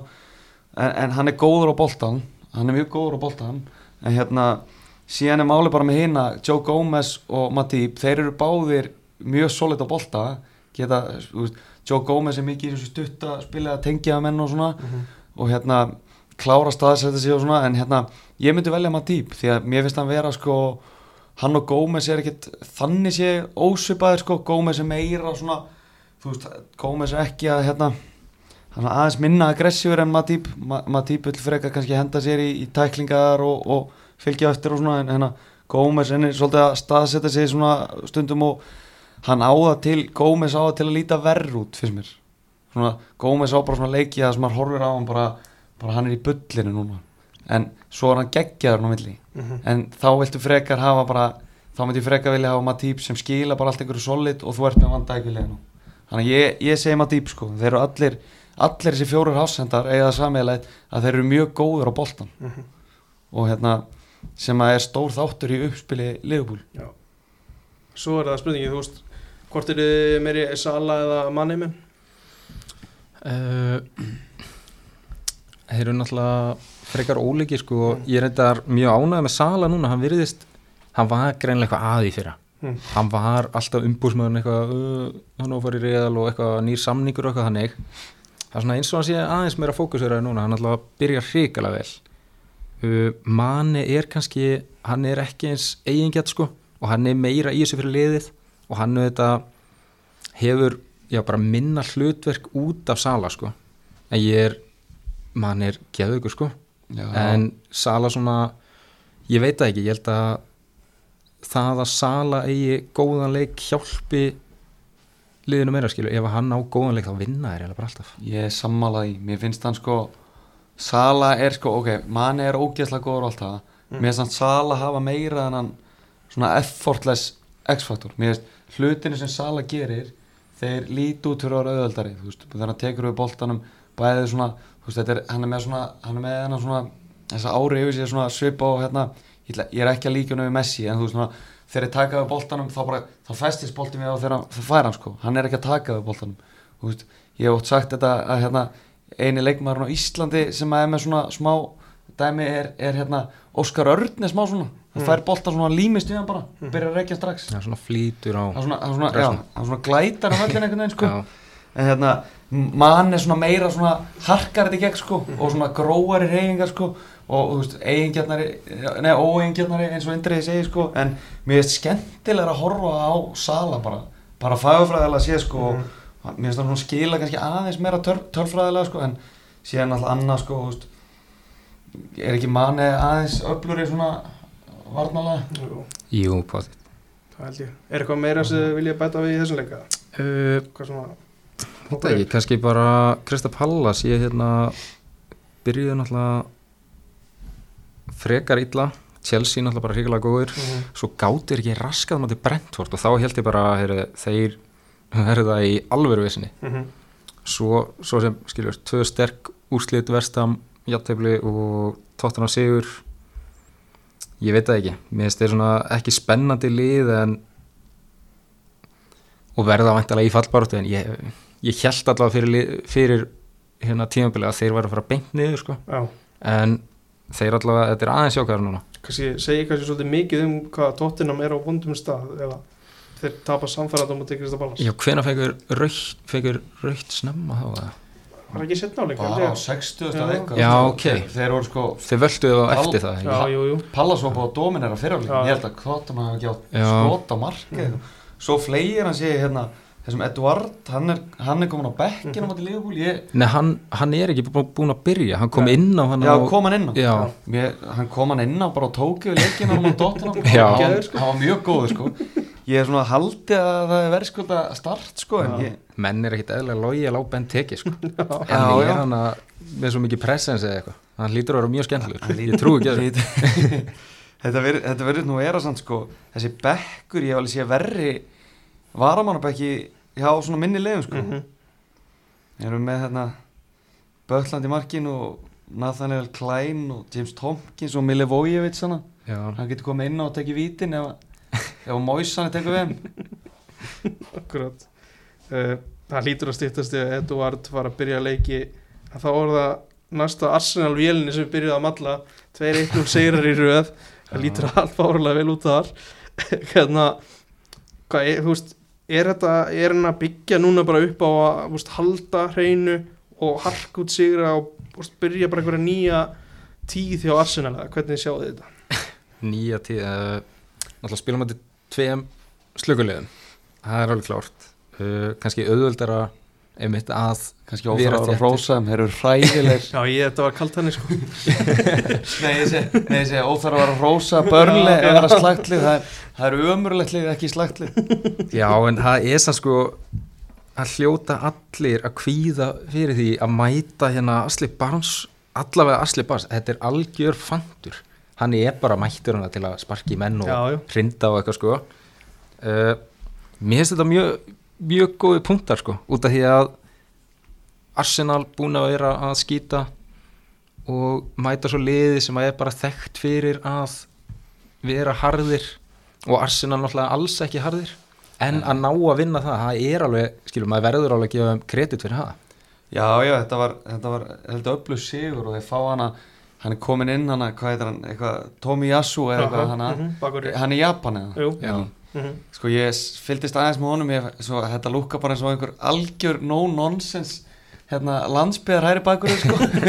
það er bara engi vitlis en hann skilaði sínu svona alveg þokkala vel bara, þú veist, hann var ekkit að hann var ekkit að koma með neitt ekstra þannig en þú veist, hann, hann er hann var mjög solid hann, þú veist, hann- hann varðist bara mjög vel og þú veist, hann gerði þetta svolítið með hjartanu en þú veist, þetta er Arsenal sko Mhm. þurfa þeir ekki á það long þú veist, ég skil þeir eru er hana, það er bara, það er bara að vera að stinga töppum í, í lekandi bát sko. Já, já.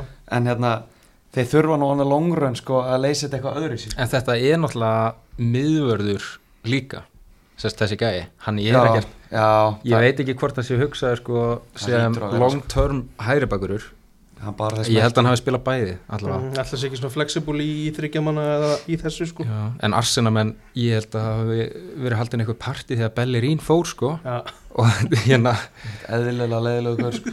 Já, eða skilur, ég held að menn séu örgulega konar með nóg að því hvað það hefur verið auðvelt að fara upp hérna hæra megin. Já. sem sagt, það hefur bara verið vandamál hjá Arsenal í mjög langa tíma.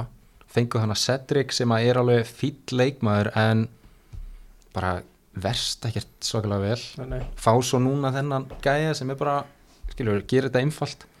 Er það ekki bara flott? Tjerni er alltaf að fara upp þannig að hann heldur vantilega, ég, skilur, ég held að sé bara ég held að þurfa eitthvað svona. Bara að fá hlutin í fasta skorður áraði fara að gera eitthvað krúsítúlu sko. Ko- spilna sér frá botninum eða bara svolítið málið núna. En hérna, þeir eru alveg með einhver gæði hana fram á því sko, þeir eru náttúrulega með Thomas Partey, ég er mjög hrifin á honum þegar hann er heill sko. Þú veist, hann er svona svolítið líman á milli varnar og miðju. Hérna Öðugard ef hann er eitthvað að fara að blómstra ég er enda það veist. Mér finnst vanta allan stöðuleik í hann sko. Jú, jú, hann var góður í þessum leik líflegur fyrir utamarkið og, og þetta var náttúrulega frábær aukarspilna ja, en mér finnst bara þú veist, hann tekur einu og einu svona framistöð veist, jú, hann var góður á sjósetat en, en, en mér finnst hann aldrei skil einhverju on the long run sko. Ég bara, að hann á eftir að sína það.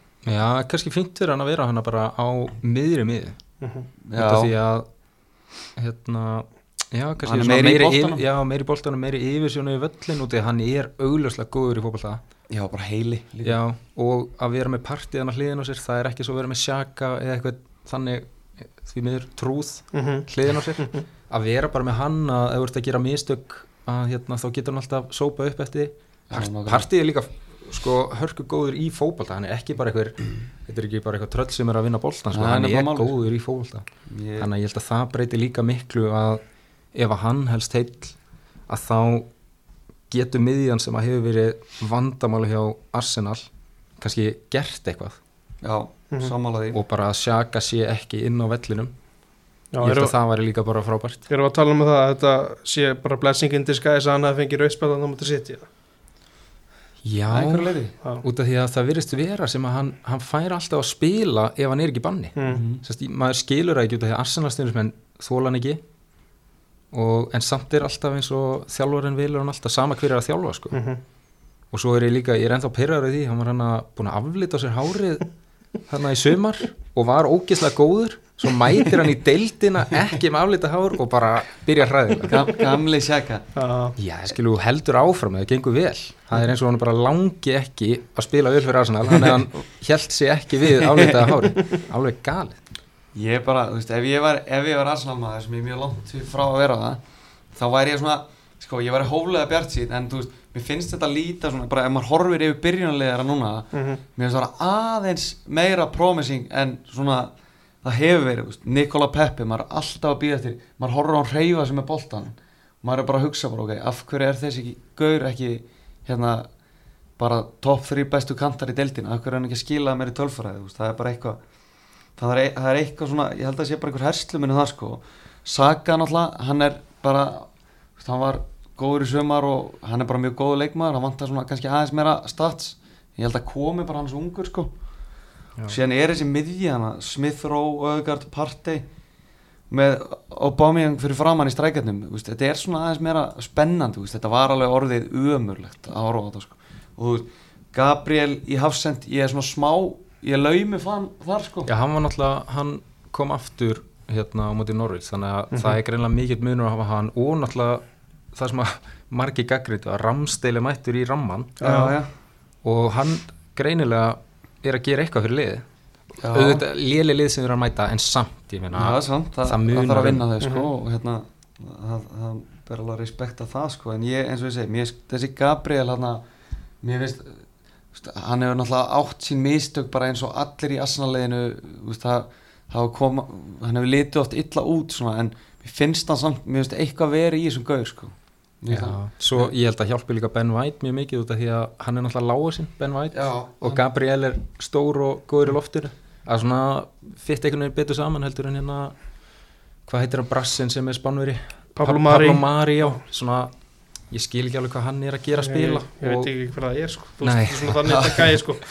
Já, ég er ekki hrifin af þeim gaur sko. Nei, alltaf, já, það er vant Gabriel er sennilega frekar lausnin heldur en Rob Holding eða Pablo Mari Já, Já. mér finnst það. meira presence og svona örgulega, það er alltaf þægilegt þegar maður er að spila að vita að miðurinn er að fara að vinna skallæmi sko. mm. það er bara, annars þarf alltaf að vera á tánum og eitthvað, þannig að hafa hann það hlýtur að hjálpa þeim sko. Já, samanlega því. Þú rósaði að því að þú svona talaðir allavega svona ágætlega fallega um Barnes að hann væri vesen Já. fyrir hitlið en, en er það nóg svona, þú veist, ef maður horfir í, í töflun þá er börnleik komið eitt stið eftir fimmleiki, þú veist, er þetta árið sem það fara niður? Uh, maður hefur náttúrulega oft sagt að þeir séu að fara að falla. Mhm. og ég meina, er þetta ekki nána sama lið og fyrir bara fjórum, fimm ára eða svona það er ekki nýliðun þeir eru ekki að eyða neinu pening. Keftu gæja hana frá Lyon. Mm Kornet? já, og hann fær ekki einu svona að byrja. Nei, hann er vantilega ekki nógu duglegur eða eitthvað fyrir sjónda sko, eða eitthvað. Uh, ég veit það ekki þeir hlýtur að vera komið tími sko, út af því að ég hef aðalega bara spurning, sett spurningmarki við vörnina sko, bakverðin er ráða þeir eitthvað endalust við þetta. Þetta eru flottir championship bakurir sko, þeir eru búin að lifa á líina í nokkur ár sko. Já, þetta er náttúrulega algjört yðnaðalið mm og já, ég ég þóri samt ekki að spá þeim niður sko. Nei. bara, þetta, þetta er alltaf kraftaðir Það er komin einhver þreyti í þetta ég sko. ég Bara, potti þú veist eins og þú segir, það er engin endun í hennana þú veist ekki það þú veist það er ekkert eitthvað krúsjál atri í fótboll að vera endun í endalust eitthvað ef, að- hlutin er að ganga eitthvað. Það verður samt að vera eitthvað og það virka bara eins og að það sé grándókt eða Mhm. mm Já, ég man ekki fyrra að þá sko, það voru leikir þar sem að skipta ekki eins og inna, það er engin breytt þannig að þegar menn eru konið í bönn eða í meðslega eitthvað hannig að þá eru bara, það er sama byrjanlið þeir spila nánast eða alltaf 90 mínútur og hérna já bara svaka vesen á þeim sko. Þetta var svolítið svona að hann þurfti að ringja á leikti og tjekka hvort að Robby Breyti væri eill þá var kannski gæti að setja eitt inn á í leiknum sko. já, annars var þetta bara mikið vesen sko. en maður heldur náttúrulega alltaf með Jóa Bergi í þessu algjörlega áfram á í lokaleg lögadagsins Aston Villa Everton 3-0 ég bara, ég horfði á Everton og ég hugsa hvað grín er ég að horfa á? Þetta var ekkert eðlilega lélegt. Og meðan Aston Villa var að sína flassi dæmi og Leon Bailey. Ó, sá var góður. Já kom alltaf inn á hana, já, flottur. Lúkaði vel. Meidd- meiddur svo mm, já, já, ég, meina, ég held að Aston Villa sko, þeir hafa eitt peningna sem þeir fengu fyrir hérna, grílis alveg vel. Mm -hmm. Sest, þetta er ekkit eitthvað endilega mikið á stjörnum en allt svona solid leikmenn. Yngst á kannski mesta stjarnan og svona mestar vonibundið hann. Þeir, ég held að þeir haldi bara áfram að vera bara solid lið sko, erfitt að mæta þeim örugglega alltaf. Svo var hérna Martínez mættur aftur í marki eftir, mm hvað, einogrun eftir að, já, að fara í landsleikin hann. Já, já, það hlýtur að minna svakalega miklu. Já, þó hann, hann byrjaði nú ekki vel en ég man ekki eins og hverju var að þannig að það var ekki stíl. Nei, stýr. Já, ég, já, ég veit ekki. Já, veit ekki Stýr var í markinu á Þannig að móti hann hlýtur, hlýtur að muna. Hann var náttúrulega örgulega besti markmaðurinn hann og mendi í fyrra. Já, Þannig að hann hlýtur að muna einhverju. Akkurat uh, Með Bailey þá var hann er ég náttúrulega að meina að hann átti góða 20 myndir sko, hann alltaf fyrir já, myndir út já, strax. En, hérna, en Everton bara þeir eru í einhverju er skríti í gangi fyrst mér hjá Anselotti þeir eru búin að vera á svona fínu skriði vinna vinna bræt og vinna börnlega svo kemur bara eitthvað algjört gjald frá þarna sko. Já, Benítez náttúrulega mættur hana í stjórastöðuna Mm. uh, Hann vantaði náttúrulega Richarlison og Calvert Lewin Mhm. og það þeir eru hrikalega mikilvægir náttúrulega aðalega Calvert Lewin út af því að hann er svo hrikalega góður í tegnum bindir varnina, hann er bæði fljótur og sterkur Hræðilegt að dekka hann Já, hann er náttúrulega geðugur skallamæður og þá er Rondon mættur fram Það er bara svona sem mættur í tíma þegar maður horfir á þetta leið sko. Það er bara Rondon, Townsend og Asmir Begurins í markinu bara með Já, Townsend, skalla, sko. Townsend er eitthvað búin að vera flottur sko. en já, ég einmitt sá að Begoð svo í markinu ég, hva, ég veit ekki hvað er að Ég hérna- er meiddur eða? ég bara veit það ekki veist, það er ekkert, ekkert eitthvað skráð með hann, þannig að Nei, það er mjög góð spurning en sko. já, svo náttúrulega var Coleman ekki heldur með mm. Godfrey í bakuri uh, Já, það munar væntalega um hjá svona lið að missa, Nei, veist, missa þessa pósta sko. þetta, lið er bara nákvæmlega núl spennandi þeir eru búin að missa Calvert Lúin og Richarlison út af þetta lið er bara þetta er svo óspennandi lið þú veist, Demar er greið, jú, það er svona frísku leikmaður á sínu degi vantar stöðuleika líka svona, hann, er nú, á, sko. hann er búin að vera flottur Mhm. núna hann er búin að vera góður í byrjun sko. en mér finnst hann aldrei, þú veist, hann var hann í Lester eitthvað inn út, kom hann að kom hann ekki til þeirra á meistaratímbilinu eða eitthvað Mhm. og hérna, og einhvern veginn síndi aldrei neitt Nei. stöðuleika sko, en aldrei út, ma sko. maður sá hann er góður sko, en ég bara, ég, einhvern veginn, ég er til, á tilfinninguna að hann bara mun ekki gera það þó hann hafi byrjað vel sko, Nei. svo eru þau bara, þú veist, þetta er svo þetta er svo boring lið sko, Godfrey þarna í hæri bakverinum og, og hérna Allan og Dukuri, ég veit nú að Alexander Már er mest í Dukuri maður bara á Íslandi en Já, og er ósámálum mér, mér finnst hann ekki skemmtilegur Alex Iwobi það er alvöru treðastur sko. Og Salomon Rondon frammi og veist, þetta er bara veist, já, Já, já náttúrulega bara hérna, svo líka bara pressan alltaf út í að Richarlison, hann er alveg illa ofvirkur, Mhm. já, já. Bara hleypur út um allt og er að sparki með en svo er Calvert Lúin líka aggressífur, Mhm. þannig að kannski leikplani breytist algjörlega þú missið þá. Við erum að spila, spila greið vantilega út úr stöðu kom með svona einhvern veginn svona í Rondon það er svona svolítið hjálkur frammi en ekki með jafn intense press, pressu Nei, sko þannig að öll pressan er búin að breytast hann átt að skora í þessum leik sko. hann var eitthvað, fekk alveg eitthvað færi þannig að sem að svona tekur hann vel fyrir sig og svo næri hann ekki að sparka alveg líðan sko. Já. en hérna Aston Villa bara flottir Já, ma- er ekki hérna, er, er ekki alveg svolítið skrítið að búin díja, er ekkert svona búin að ná að stempla sér alveg inn mittist hann ekki, eða var hann mittur fyrir tímafili, byrjaði hann ekki eitthvað bara fyrsta leika Jú, gott, það gæti verið rétt sko. mér finnst eins og hann hafi meðst strax og ég veit ekki hvort hann sé alveg fitt sko. Hann spila náttúrulega 90 á móti Brentford og fer svo í einu landsleik. Já, hann var í þeim Já, landsleik það getur verið að, Ok. hérna, að hann bara hafi ekki náð að æfa nóg mikið með liðinu alltaf öðruvísir markmaður að koma inn Já, líka þessi stýr í markinu, ég held að það var aldrei spurning að hann myndi þetta úr liðinu því miður. En já, ég hérna líka skrítið með þetta Aston Villa liða þeir, það er svo mikið að köntur um hana, bara skilur Já. fínum köntur um hana hérna Anvar Al-Ghazi, hann skorar alltaf þegar hann spilar, sko. Mhm. svo ertu með sko Bertrand Traore, hann skorar líka.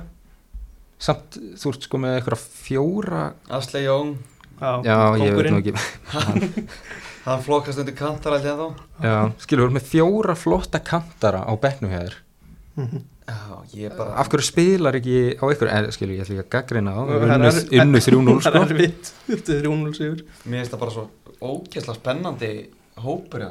Já, þetta er alveg breytt sko. Mér finnst Já. það bara breyttin og svo bara, þú veist, þegar maður horfir á leikmennina, sko, bara fer yfir þetta allt, þú veist, ég finnst þessi Esi Konsa, hann var geggjaður Mhm. fyrir það, sko. Já, Það hérna alvöru skrokkur þar og bara góður leikmaður, sko. Það er á Ming svona, jú, jú, hann er á sín moment og allt það, en, en mér finnst hann samt svona heilt yfir.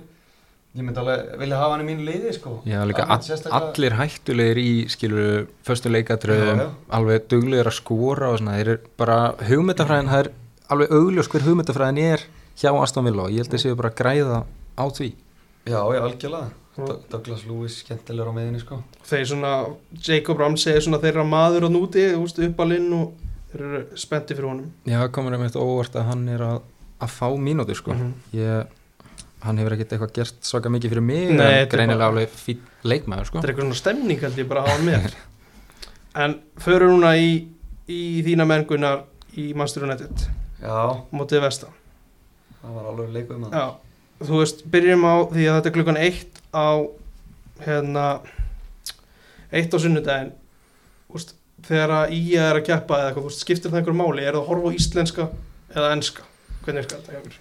Sko, ég horfi ekki mikið á íslensku út af því að maður er bara sjálfur úr að æfa nánast, nánast daglega úr að spila og ég nenn ekkert að horfa þá á fótbolta sko, maður verður líka að kúpla sig Mhm. úr þessu sko Já, það er alveg viss punktur í því en ég er samt einhvern veginn, jú, ég horfi svolítið, ég horfi svolítið mikið á íslensku, sko. ég er eitthvað smá svag fyrir því, sko, ég er svona, já, tengi eitthvað svolítið við hann og finnst gaman að fylgjast með, sko, þannig að ég, ég var heldur spenntu fyrir þessum leik upp á skaga, sko, Mhm. og það, þetta var væga sagt áhugaveru leikur, sko, og hérna, ég var svolítið að svissa á milli, sko, þannig að En ég náði samt atbyrðarásin í lokin sem betur fer sko. Það var alvöru hérna.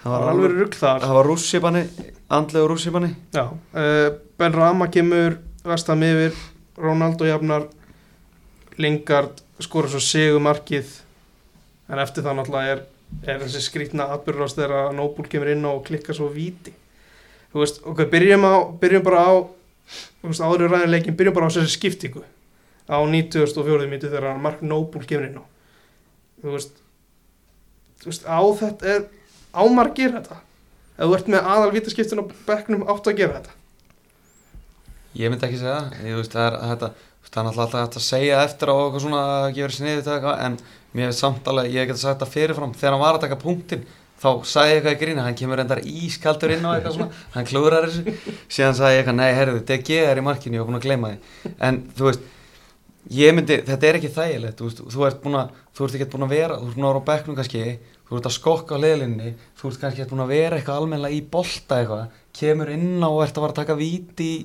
undir þessum kringustæðum þetta er ekki gáulegt hjá Mói sko, finnst mér. Nei, mér finnst það líka bara svo mikið diss á leikmennina inn á vellinum. Skilur, þú, þú treystir þeim ekki til að taka vítið.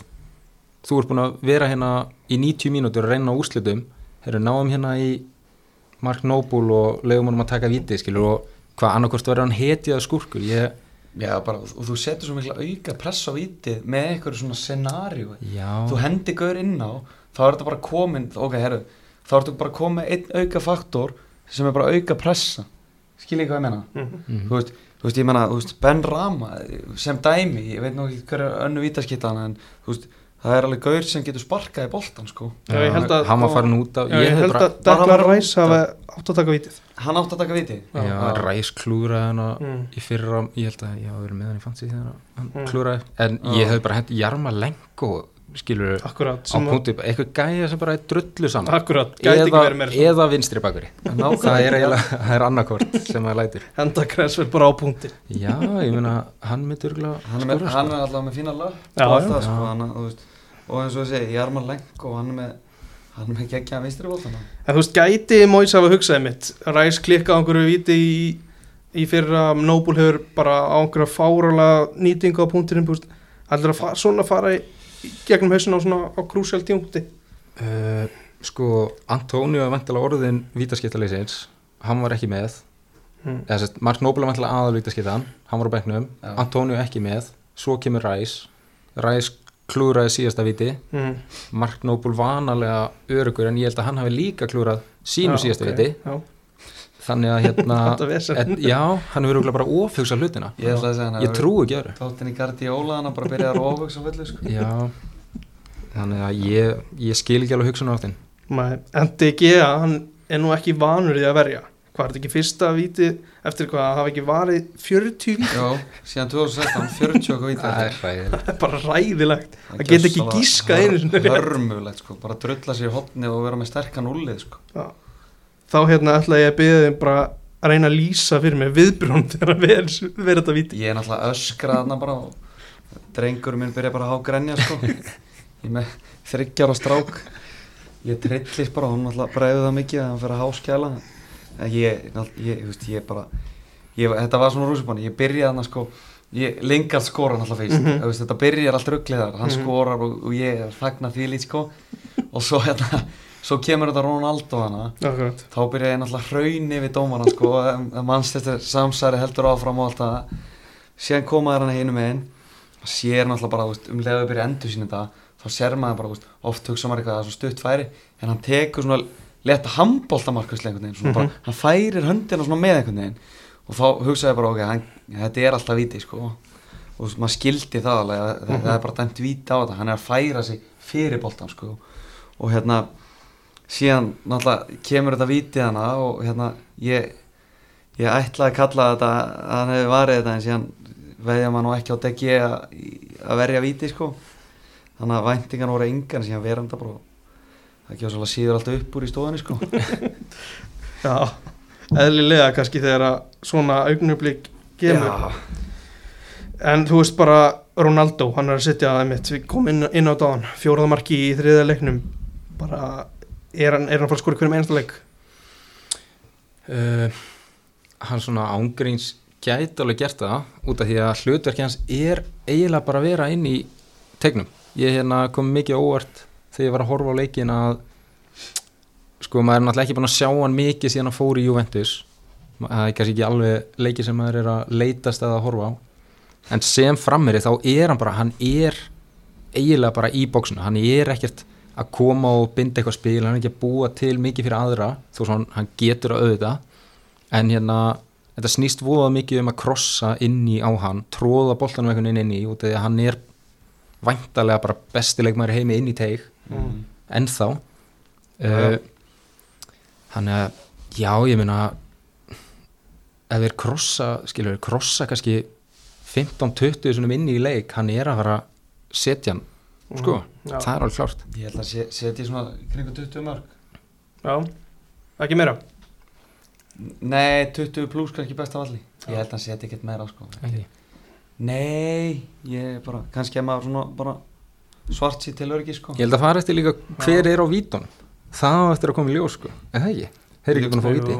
Er Pogba nei, Bruno var náttúrulega vítaskipta. Bruno og vítaskipta. Þannig að Já, ég Það geti líka eftir að koma í ljós. Þú getur glemt þér hugmynd Bruno sko. Ég held að ég að Ronaldo Ég held takja að bara vítin sko og Bruno náttúrulega bara með stjörnunar í augunum sko, Já, bara leiður hann að gera það sem hann vill sko.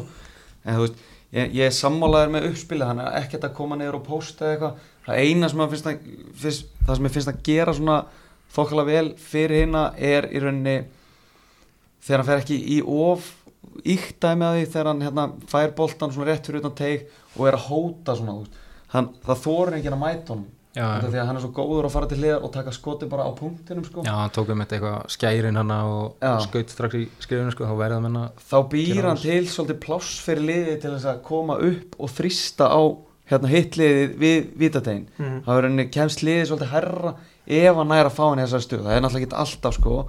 En þú veist þetta hefur henni sömu virkni bara og þú ert með einhvern sem er góður að halda í boltan og, og hjálpa liðinu að koma upp átt sko en annars er þetta bara eins og Indri segir þetta er meira og minna bara hérna beintin í bóks bara.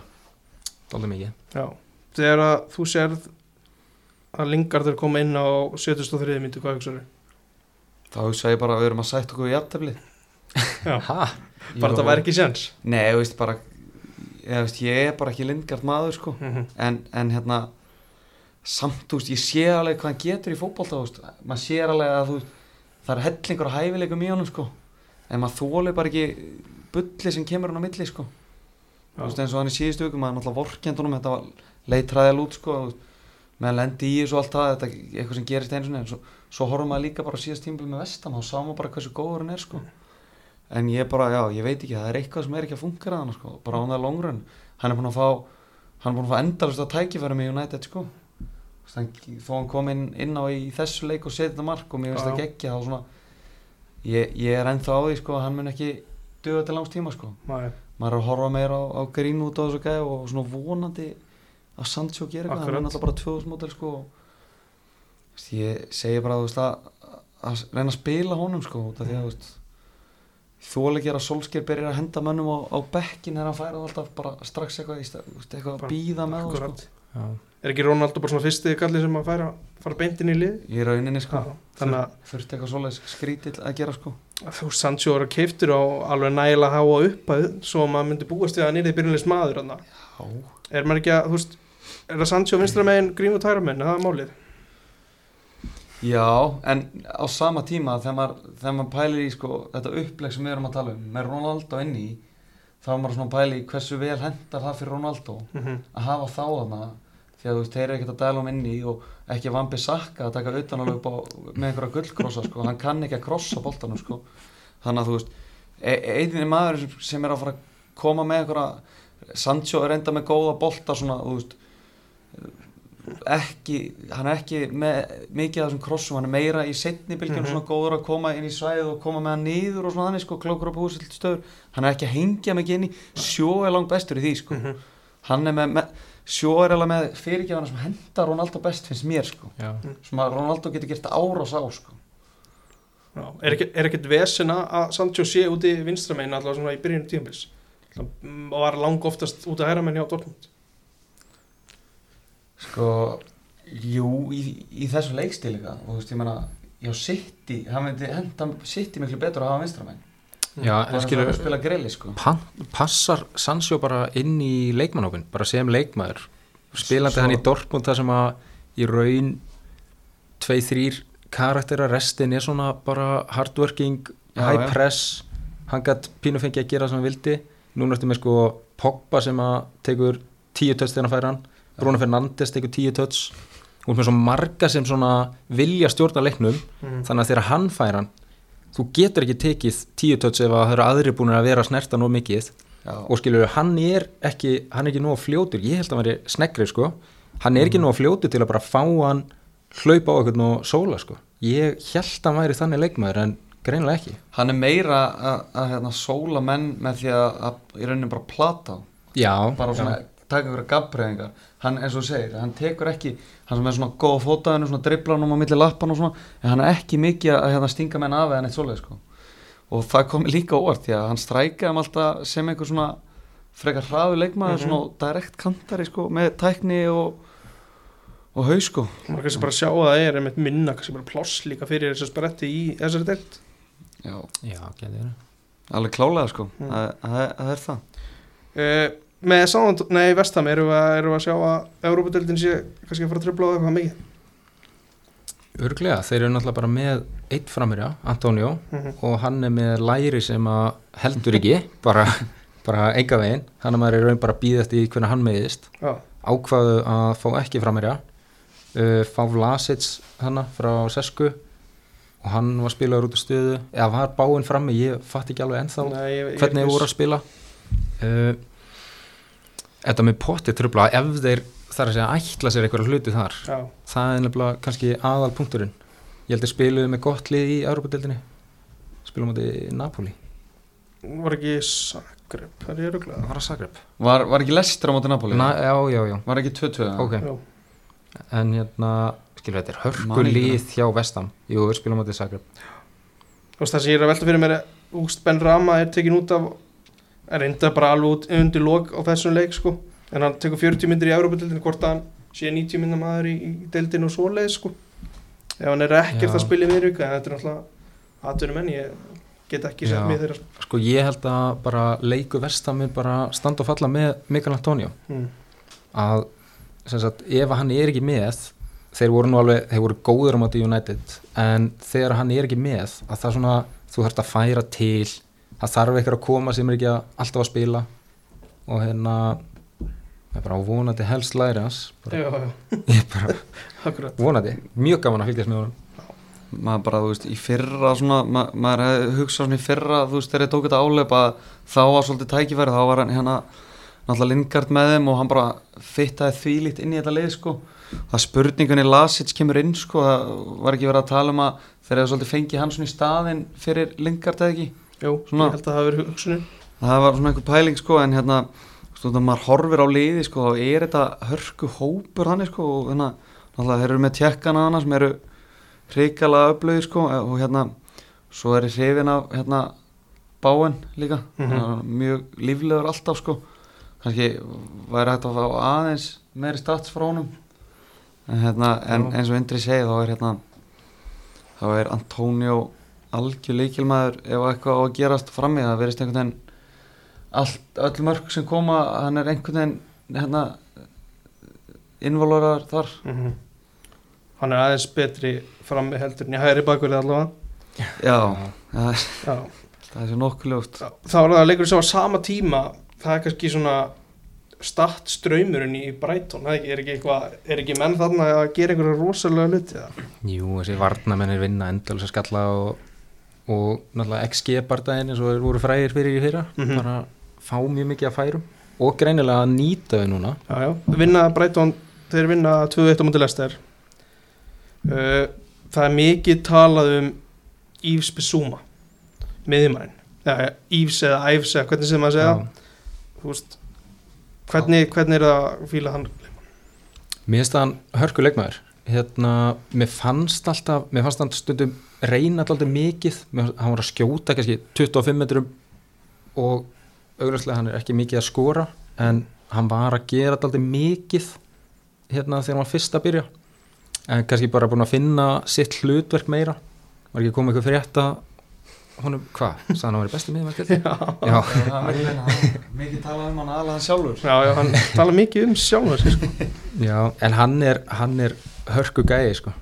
Hérna bara mjög örgulega eins og margir á sig gæðum svona Mm. tekum mikið tissin og þægilegt að spila með hún já, bara góður á boltan, mjög örugur á boltan líka. Svona, ég held að það sé svona ákveðin rós sem fylgir hann að misveðan líka sko.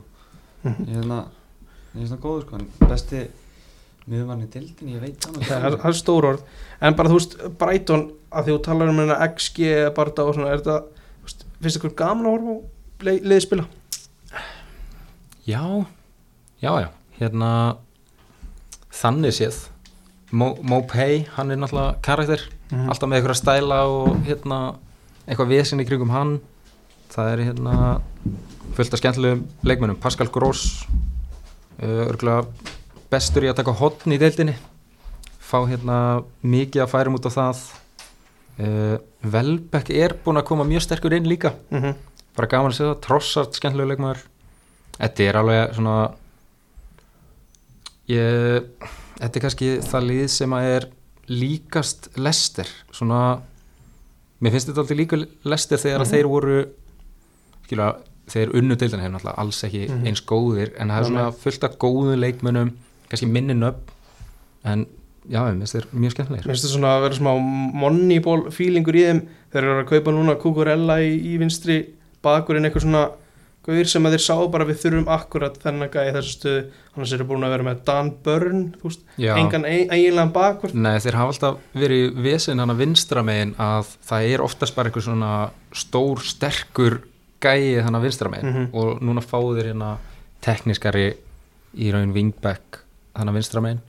Hvað frá Getafe, uppalinn í Barca eða ekki? jú, hann átti eitthvað geðveikan leik hann á móti í lesturinn eða þú veist, tölfræðilega séð. Já, var bara sá leikmaður sem átti flesta hefnaðar sendingar, flesta sendingar og var meira á sóknarhelmingnum heldur en varnarhelmingnum. Já, bara draumurinn fyrir það sýnir bara liðið var að spila eins og þjálfarinn vildi. Já mér finnst þeir alltaf þeir alltaf byrja svakalega vel núna. Uh, eru vantilega ekki að fara enda þannig í hvað er í fjóðursæti það er Hérna. ósennilegt. Já, þeir væri auðvitað bara miðjadeild, hugsa ég og eru auðvitað mjög sáttum með það. Og sagt eins og segir þetta moneyball koncept með stila öll kaup sem þeir gera góð. Mhm. það er ekki margi sem er að floppa þeir eru ekki að eyða miklum pening.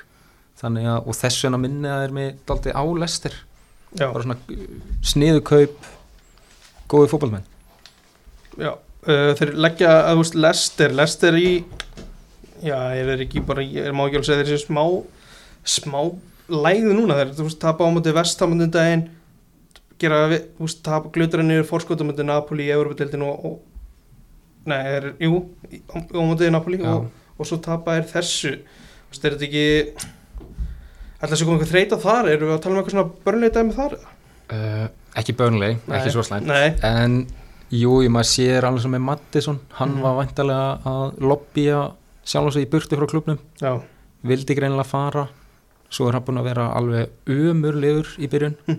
Og svona virkar þannig gæi, ég veit ekki hvort að þetta sé eitthvað partistanda honum eitthvað hann, hann virkar þannig.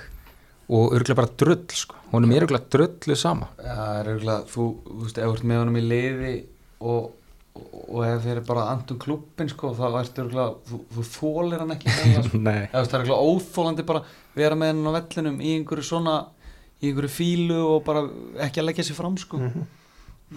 Nei, mér finnst- mér finnst mjög sérstætt eh, eins og við vorum að tala um einhver kaup hjá liðum, þeir kaupa hann að Patson Daga Mhm. og hann fær bara ekki að spila.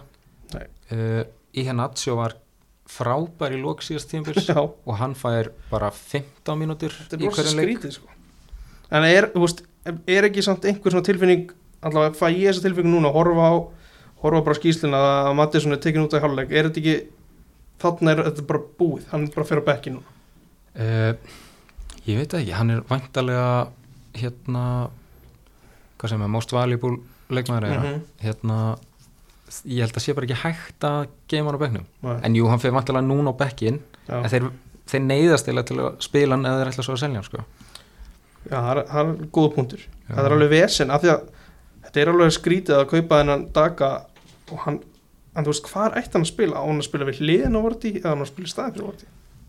ég hefði haldið að sko annarkvært ætti hann að vera á kanti eða hreinlega frammi Mm. og náttúrulega Vorti er bara að hetja hana þannig að ef hann er heitla þá sest, hann er ennþá alveg að skila sínu en hann er greinilega ekki, hann er ekki sami leikmár hann var Nei, að ég held að sé bara erfitt að að koma inn í þetta svo ertu með hérna Harvey Barnes á kanti sem er búin að valda miklum ábreyðu núna í byrjun Já. um, já ég, þetta er eitthvað þetta er eitthvað þreytt hjá þeim sko Það er bara eitthvað reist upp í þessu held ég. Held Já. að rétti maðurinn það væri, hérna, hvað er það ekki, Hamza Chuduri eða eitthvað. já, henda honum inn Ég held að hann geti aðeins rist upp í hlutunum og láti menn heyra já með, hérna, með afrófi Já. já, já, já, Það er svona lett geggjaðu gaur sko. Jú, en svo líka Bertrand mættur hana mm. Já, Það sem að var í, er, var hann ekki hérna Sá þetta?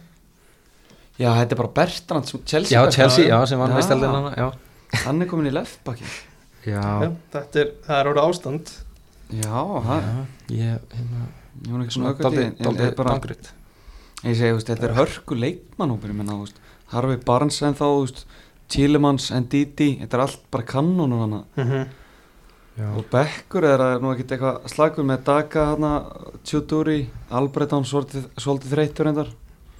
Já. Í Nacho, Kastanje og, og Lugman, ég er reyndar ekki mikill Lugman maður, sko. En þú ert mikið Tjúdúri maður.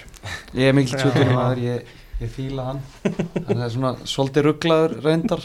Já, já, En En skemmtilega ruglaður, enga síður. Akkurat Er eitthvað, er eitthvað frekar í, í þessu? Er eitthvað að fara í síðasta Jú, Sanchez í markinu á Breitón Já. Þetta er svona, þetta er smá öskubusku saga þar einhvern veginn. Kemur inn í þetta í, í fyrra einhvern veginn svona sá alltaf fyrir mér að, að Matt Ryan væri bara með þessa stöðu á lás.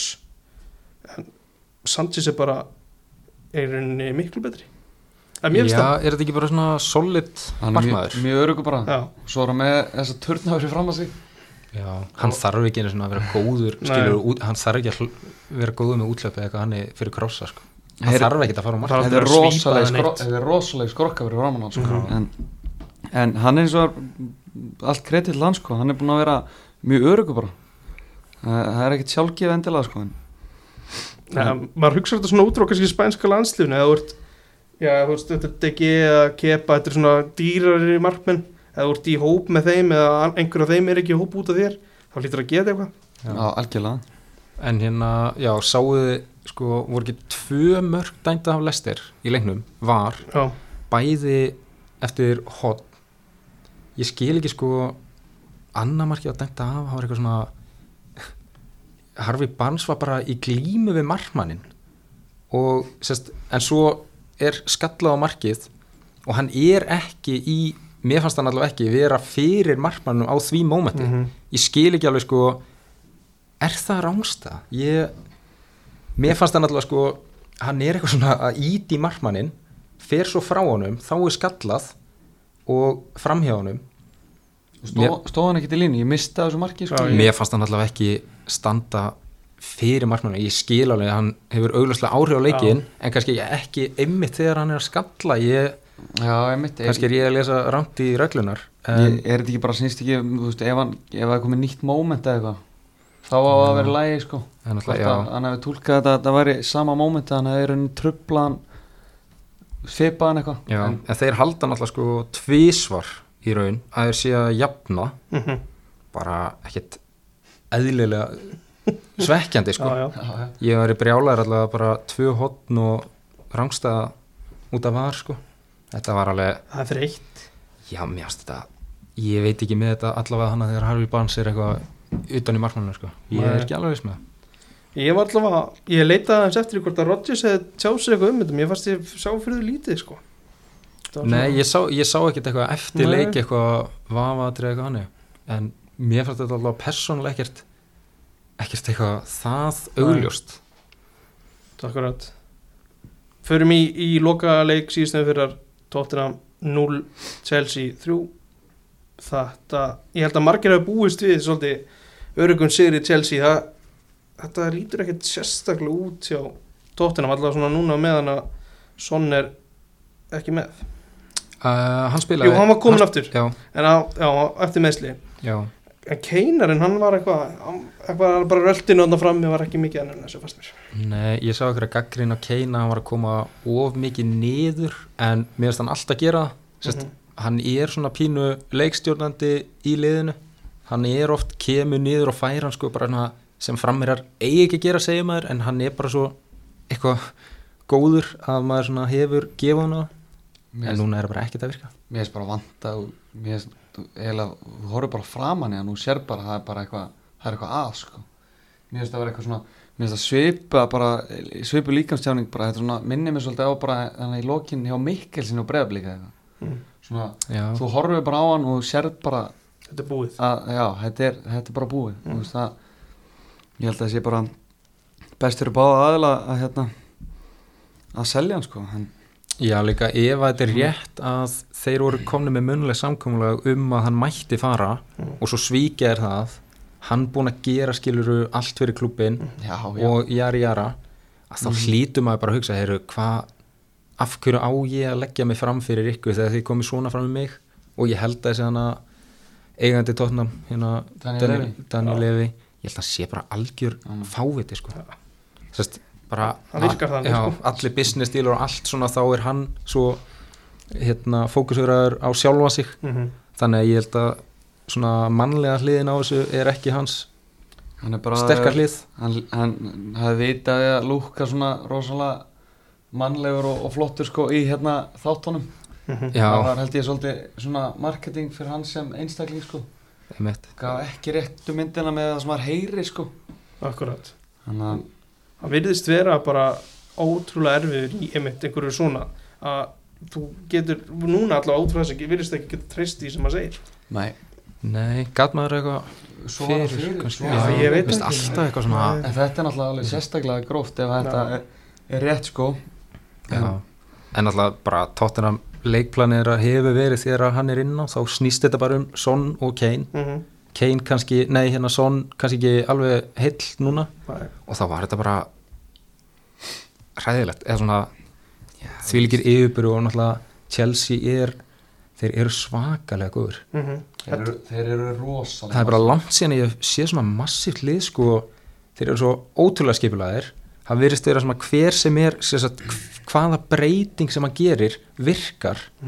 Þannig að ég, ég vissi ekki að Tuchel væri svona góðu þjálfari fyrir enn í fyrra sko, með það bara að taka við Lampard, það var allt í ruggli og ná sko strax að rétta hérna, rétta þetta við. Það er alveg meira en að segja það sko.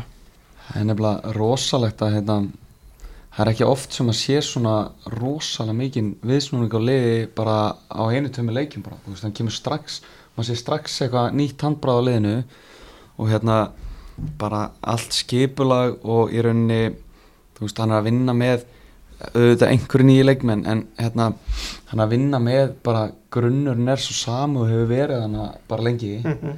en þú veist, auðvitað er einhverju nýju leikmenn og þú veist, þetta er allt leikmenn sem að Lampard á með náttúrulega, með maður Lukaku sko. Og bara þú veist, þessi vörn eins og Indriði sagði bara, þú veist, hann getur rótera hann er búin að rótera sko, þú veist, Alonso verið stjórn búin að negla þetta hann nokkuð neðin vinstra megin, hann er búin að vera ógeðslega góður.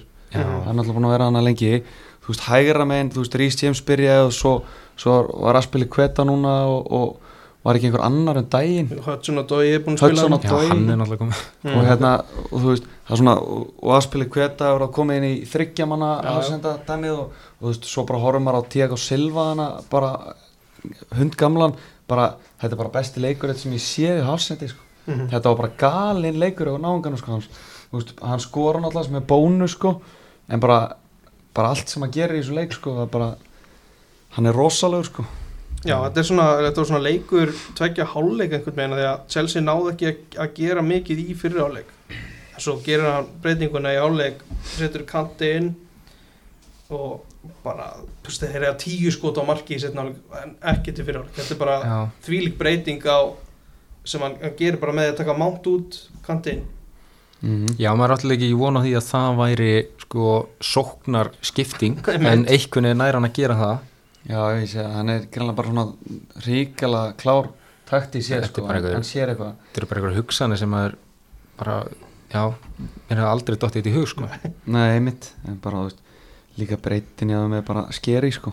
Þetta er, þetta er rosalegt, sko, þú veist. Í, hvað var það ekki Hakim Ziyech hann að byrja einhvern leikanu Mhm. daginn, veist þú veist, hann getur róterað honum, svo er Werner hann að uh, við erum með Chilwell í vinstri bakur í staði fyrir Alonso. Það er náttúrulega gleymi, sko.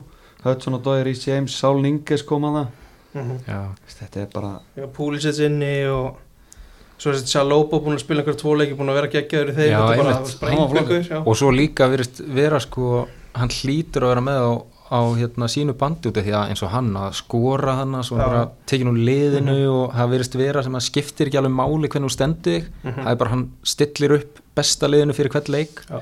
og hérna já, meðan svo mikill munur á þessu liðin sko í öllum krossum hérna hotnum Alonso var hann að negla honum inn í úr hotnum og bara alltaf dauða færi nánast Mhm. og svo sér maður þetta tóttanlega úr með hann að Romero argeturmann sem að sko Messi ætlaði að fá í Barcelona komið þangað og ég veit eh, kannski ekki búin að sjá nóg á hann til að dæma en hann er kannski ekkit einhver game changers fyrir á svo ertu náttúrulega með Erik Dyer að spila hann sem að ég, ég þóla hann ekki því miður ég, hann byrjaði á miðinu var ekki nóg Mhm. góður og hann færiður í miðvörð Já. og hann er ekki heldur nóg góður Nei, þar þannig að ég skil ekki alveg hvað hann er ennþá að gera hana og hérna já, bara í setjum alveg hvað sér maður munin á liðunum og kannski vandamál tóttina bara að þeir eru bara alltaf langt frá þessu liðum, Já. finnst manni þeir eru það Endon Beli, hann vildi fara undir lóklukkans, hann er komin inn í, inn í lið. Jú, jú, þetta er þú veist, af hverju, þú veist, af hverju losa þér Sissoko og nota einhver gæða sem að vill, vill ekki vera hann, skilja, þetta er svona þetta er furðulegt hvernig þetta virkar. Harry Winks, Oliver Skip þetta er svona gaurar sem að eru svona stundum í liðinu, stundum ekki, maður veit aldrei ég veit aldrei hvað ég hef Nei. þetta, sko. Já, ég samanlega, þú veist, og horfir yfir byrjanlega bara á móti hérna á móti hérna Chelsea núna um helgina mm Þú veist, þetta er þetta lúkar eins og mjög stert lið á pappirum ég meina, miðjan, Hauberg, Lo Celso, Endon Bela, Ali Kane og Son frammi að vísu er vörnin ekkert eitthvað rosalega svona fögur yfirlitum en Mhm. þú veist maður myndi halda að þetta væri eitthvað til að byggja á sko en þetta er svo hrikalega óspennandi sko Já. En ég ætla samt ekki að fara dröllu við það út af því að þeir unnu náttúrulega sitt í -hmm. Já, ég gerði það. Skilur byrja frábælega svo spilar hann til Kristapálas gátt ekki neitt en fá svo raukt og þá er valtaði við og svo að mínum þetta er Chelsea bara besta liði í deildinni. Já, þannig að það kemur mér ekkert á óvart að Tottenham hafi tapað þessum leik sko. Mhm. uh, ég held að séu ennþá alveg að fara að gera góða hluti og eru þeir í hvaða Európa, eru þeir í Já. þannig að þá eru þeir bara þeir eru bara að fara að leifa ykkur um að spila það, sko. Það er rétt að vona þeir gera það, svona þeirra vegna sko. Já, þannig að þá geta þeir vantarlega verið með fullan fókus á deildina. Og ég veit að ég hef alveg trú á hérna þjálfarunum. Já, hérna, núna. Sérst bara svona ég skil samt ekki alveg ráningin út af því að þú varst með Portugala, færið annan Portugala mm ef þú varst ósáttu með hinn og þessi er svona snýst mikið bara um eitthvað skipulag og kannski ekki svaka mikið sóknabólta en, en ég ætla samt að gefa hún séns. Já, það er, það er gott að einhver gefa hún sér Ég held að tóttunum menn séu bara strax ah, mér finnst þeir, þeir bara- voru mjög góður um þetta sitt sko. ég sá þann leik. Veist, bara horfir í þetta Þetta eru þrjú mörg skoruð Það er maxima þess alveg fyrstu þrjáleikina sem er bara frábært. Já. En svo eru þeir ekki Geta þær ekki að Og eiga svo ekki róði í nágrannum. Mhm. Já. en er það samt ekki hérna, alveg með Kane mm.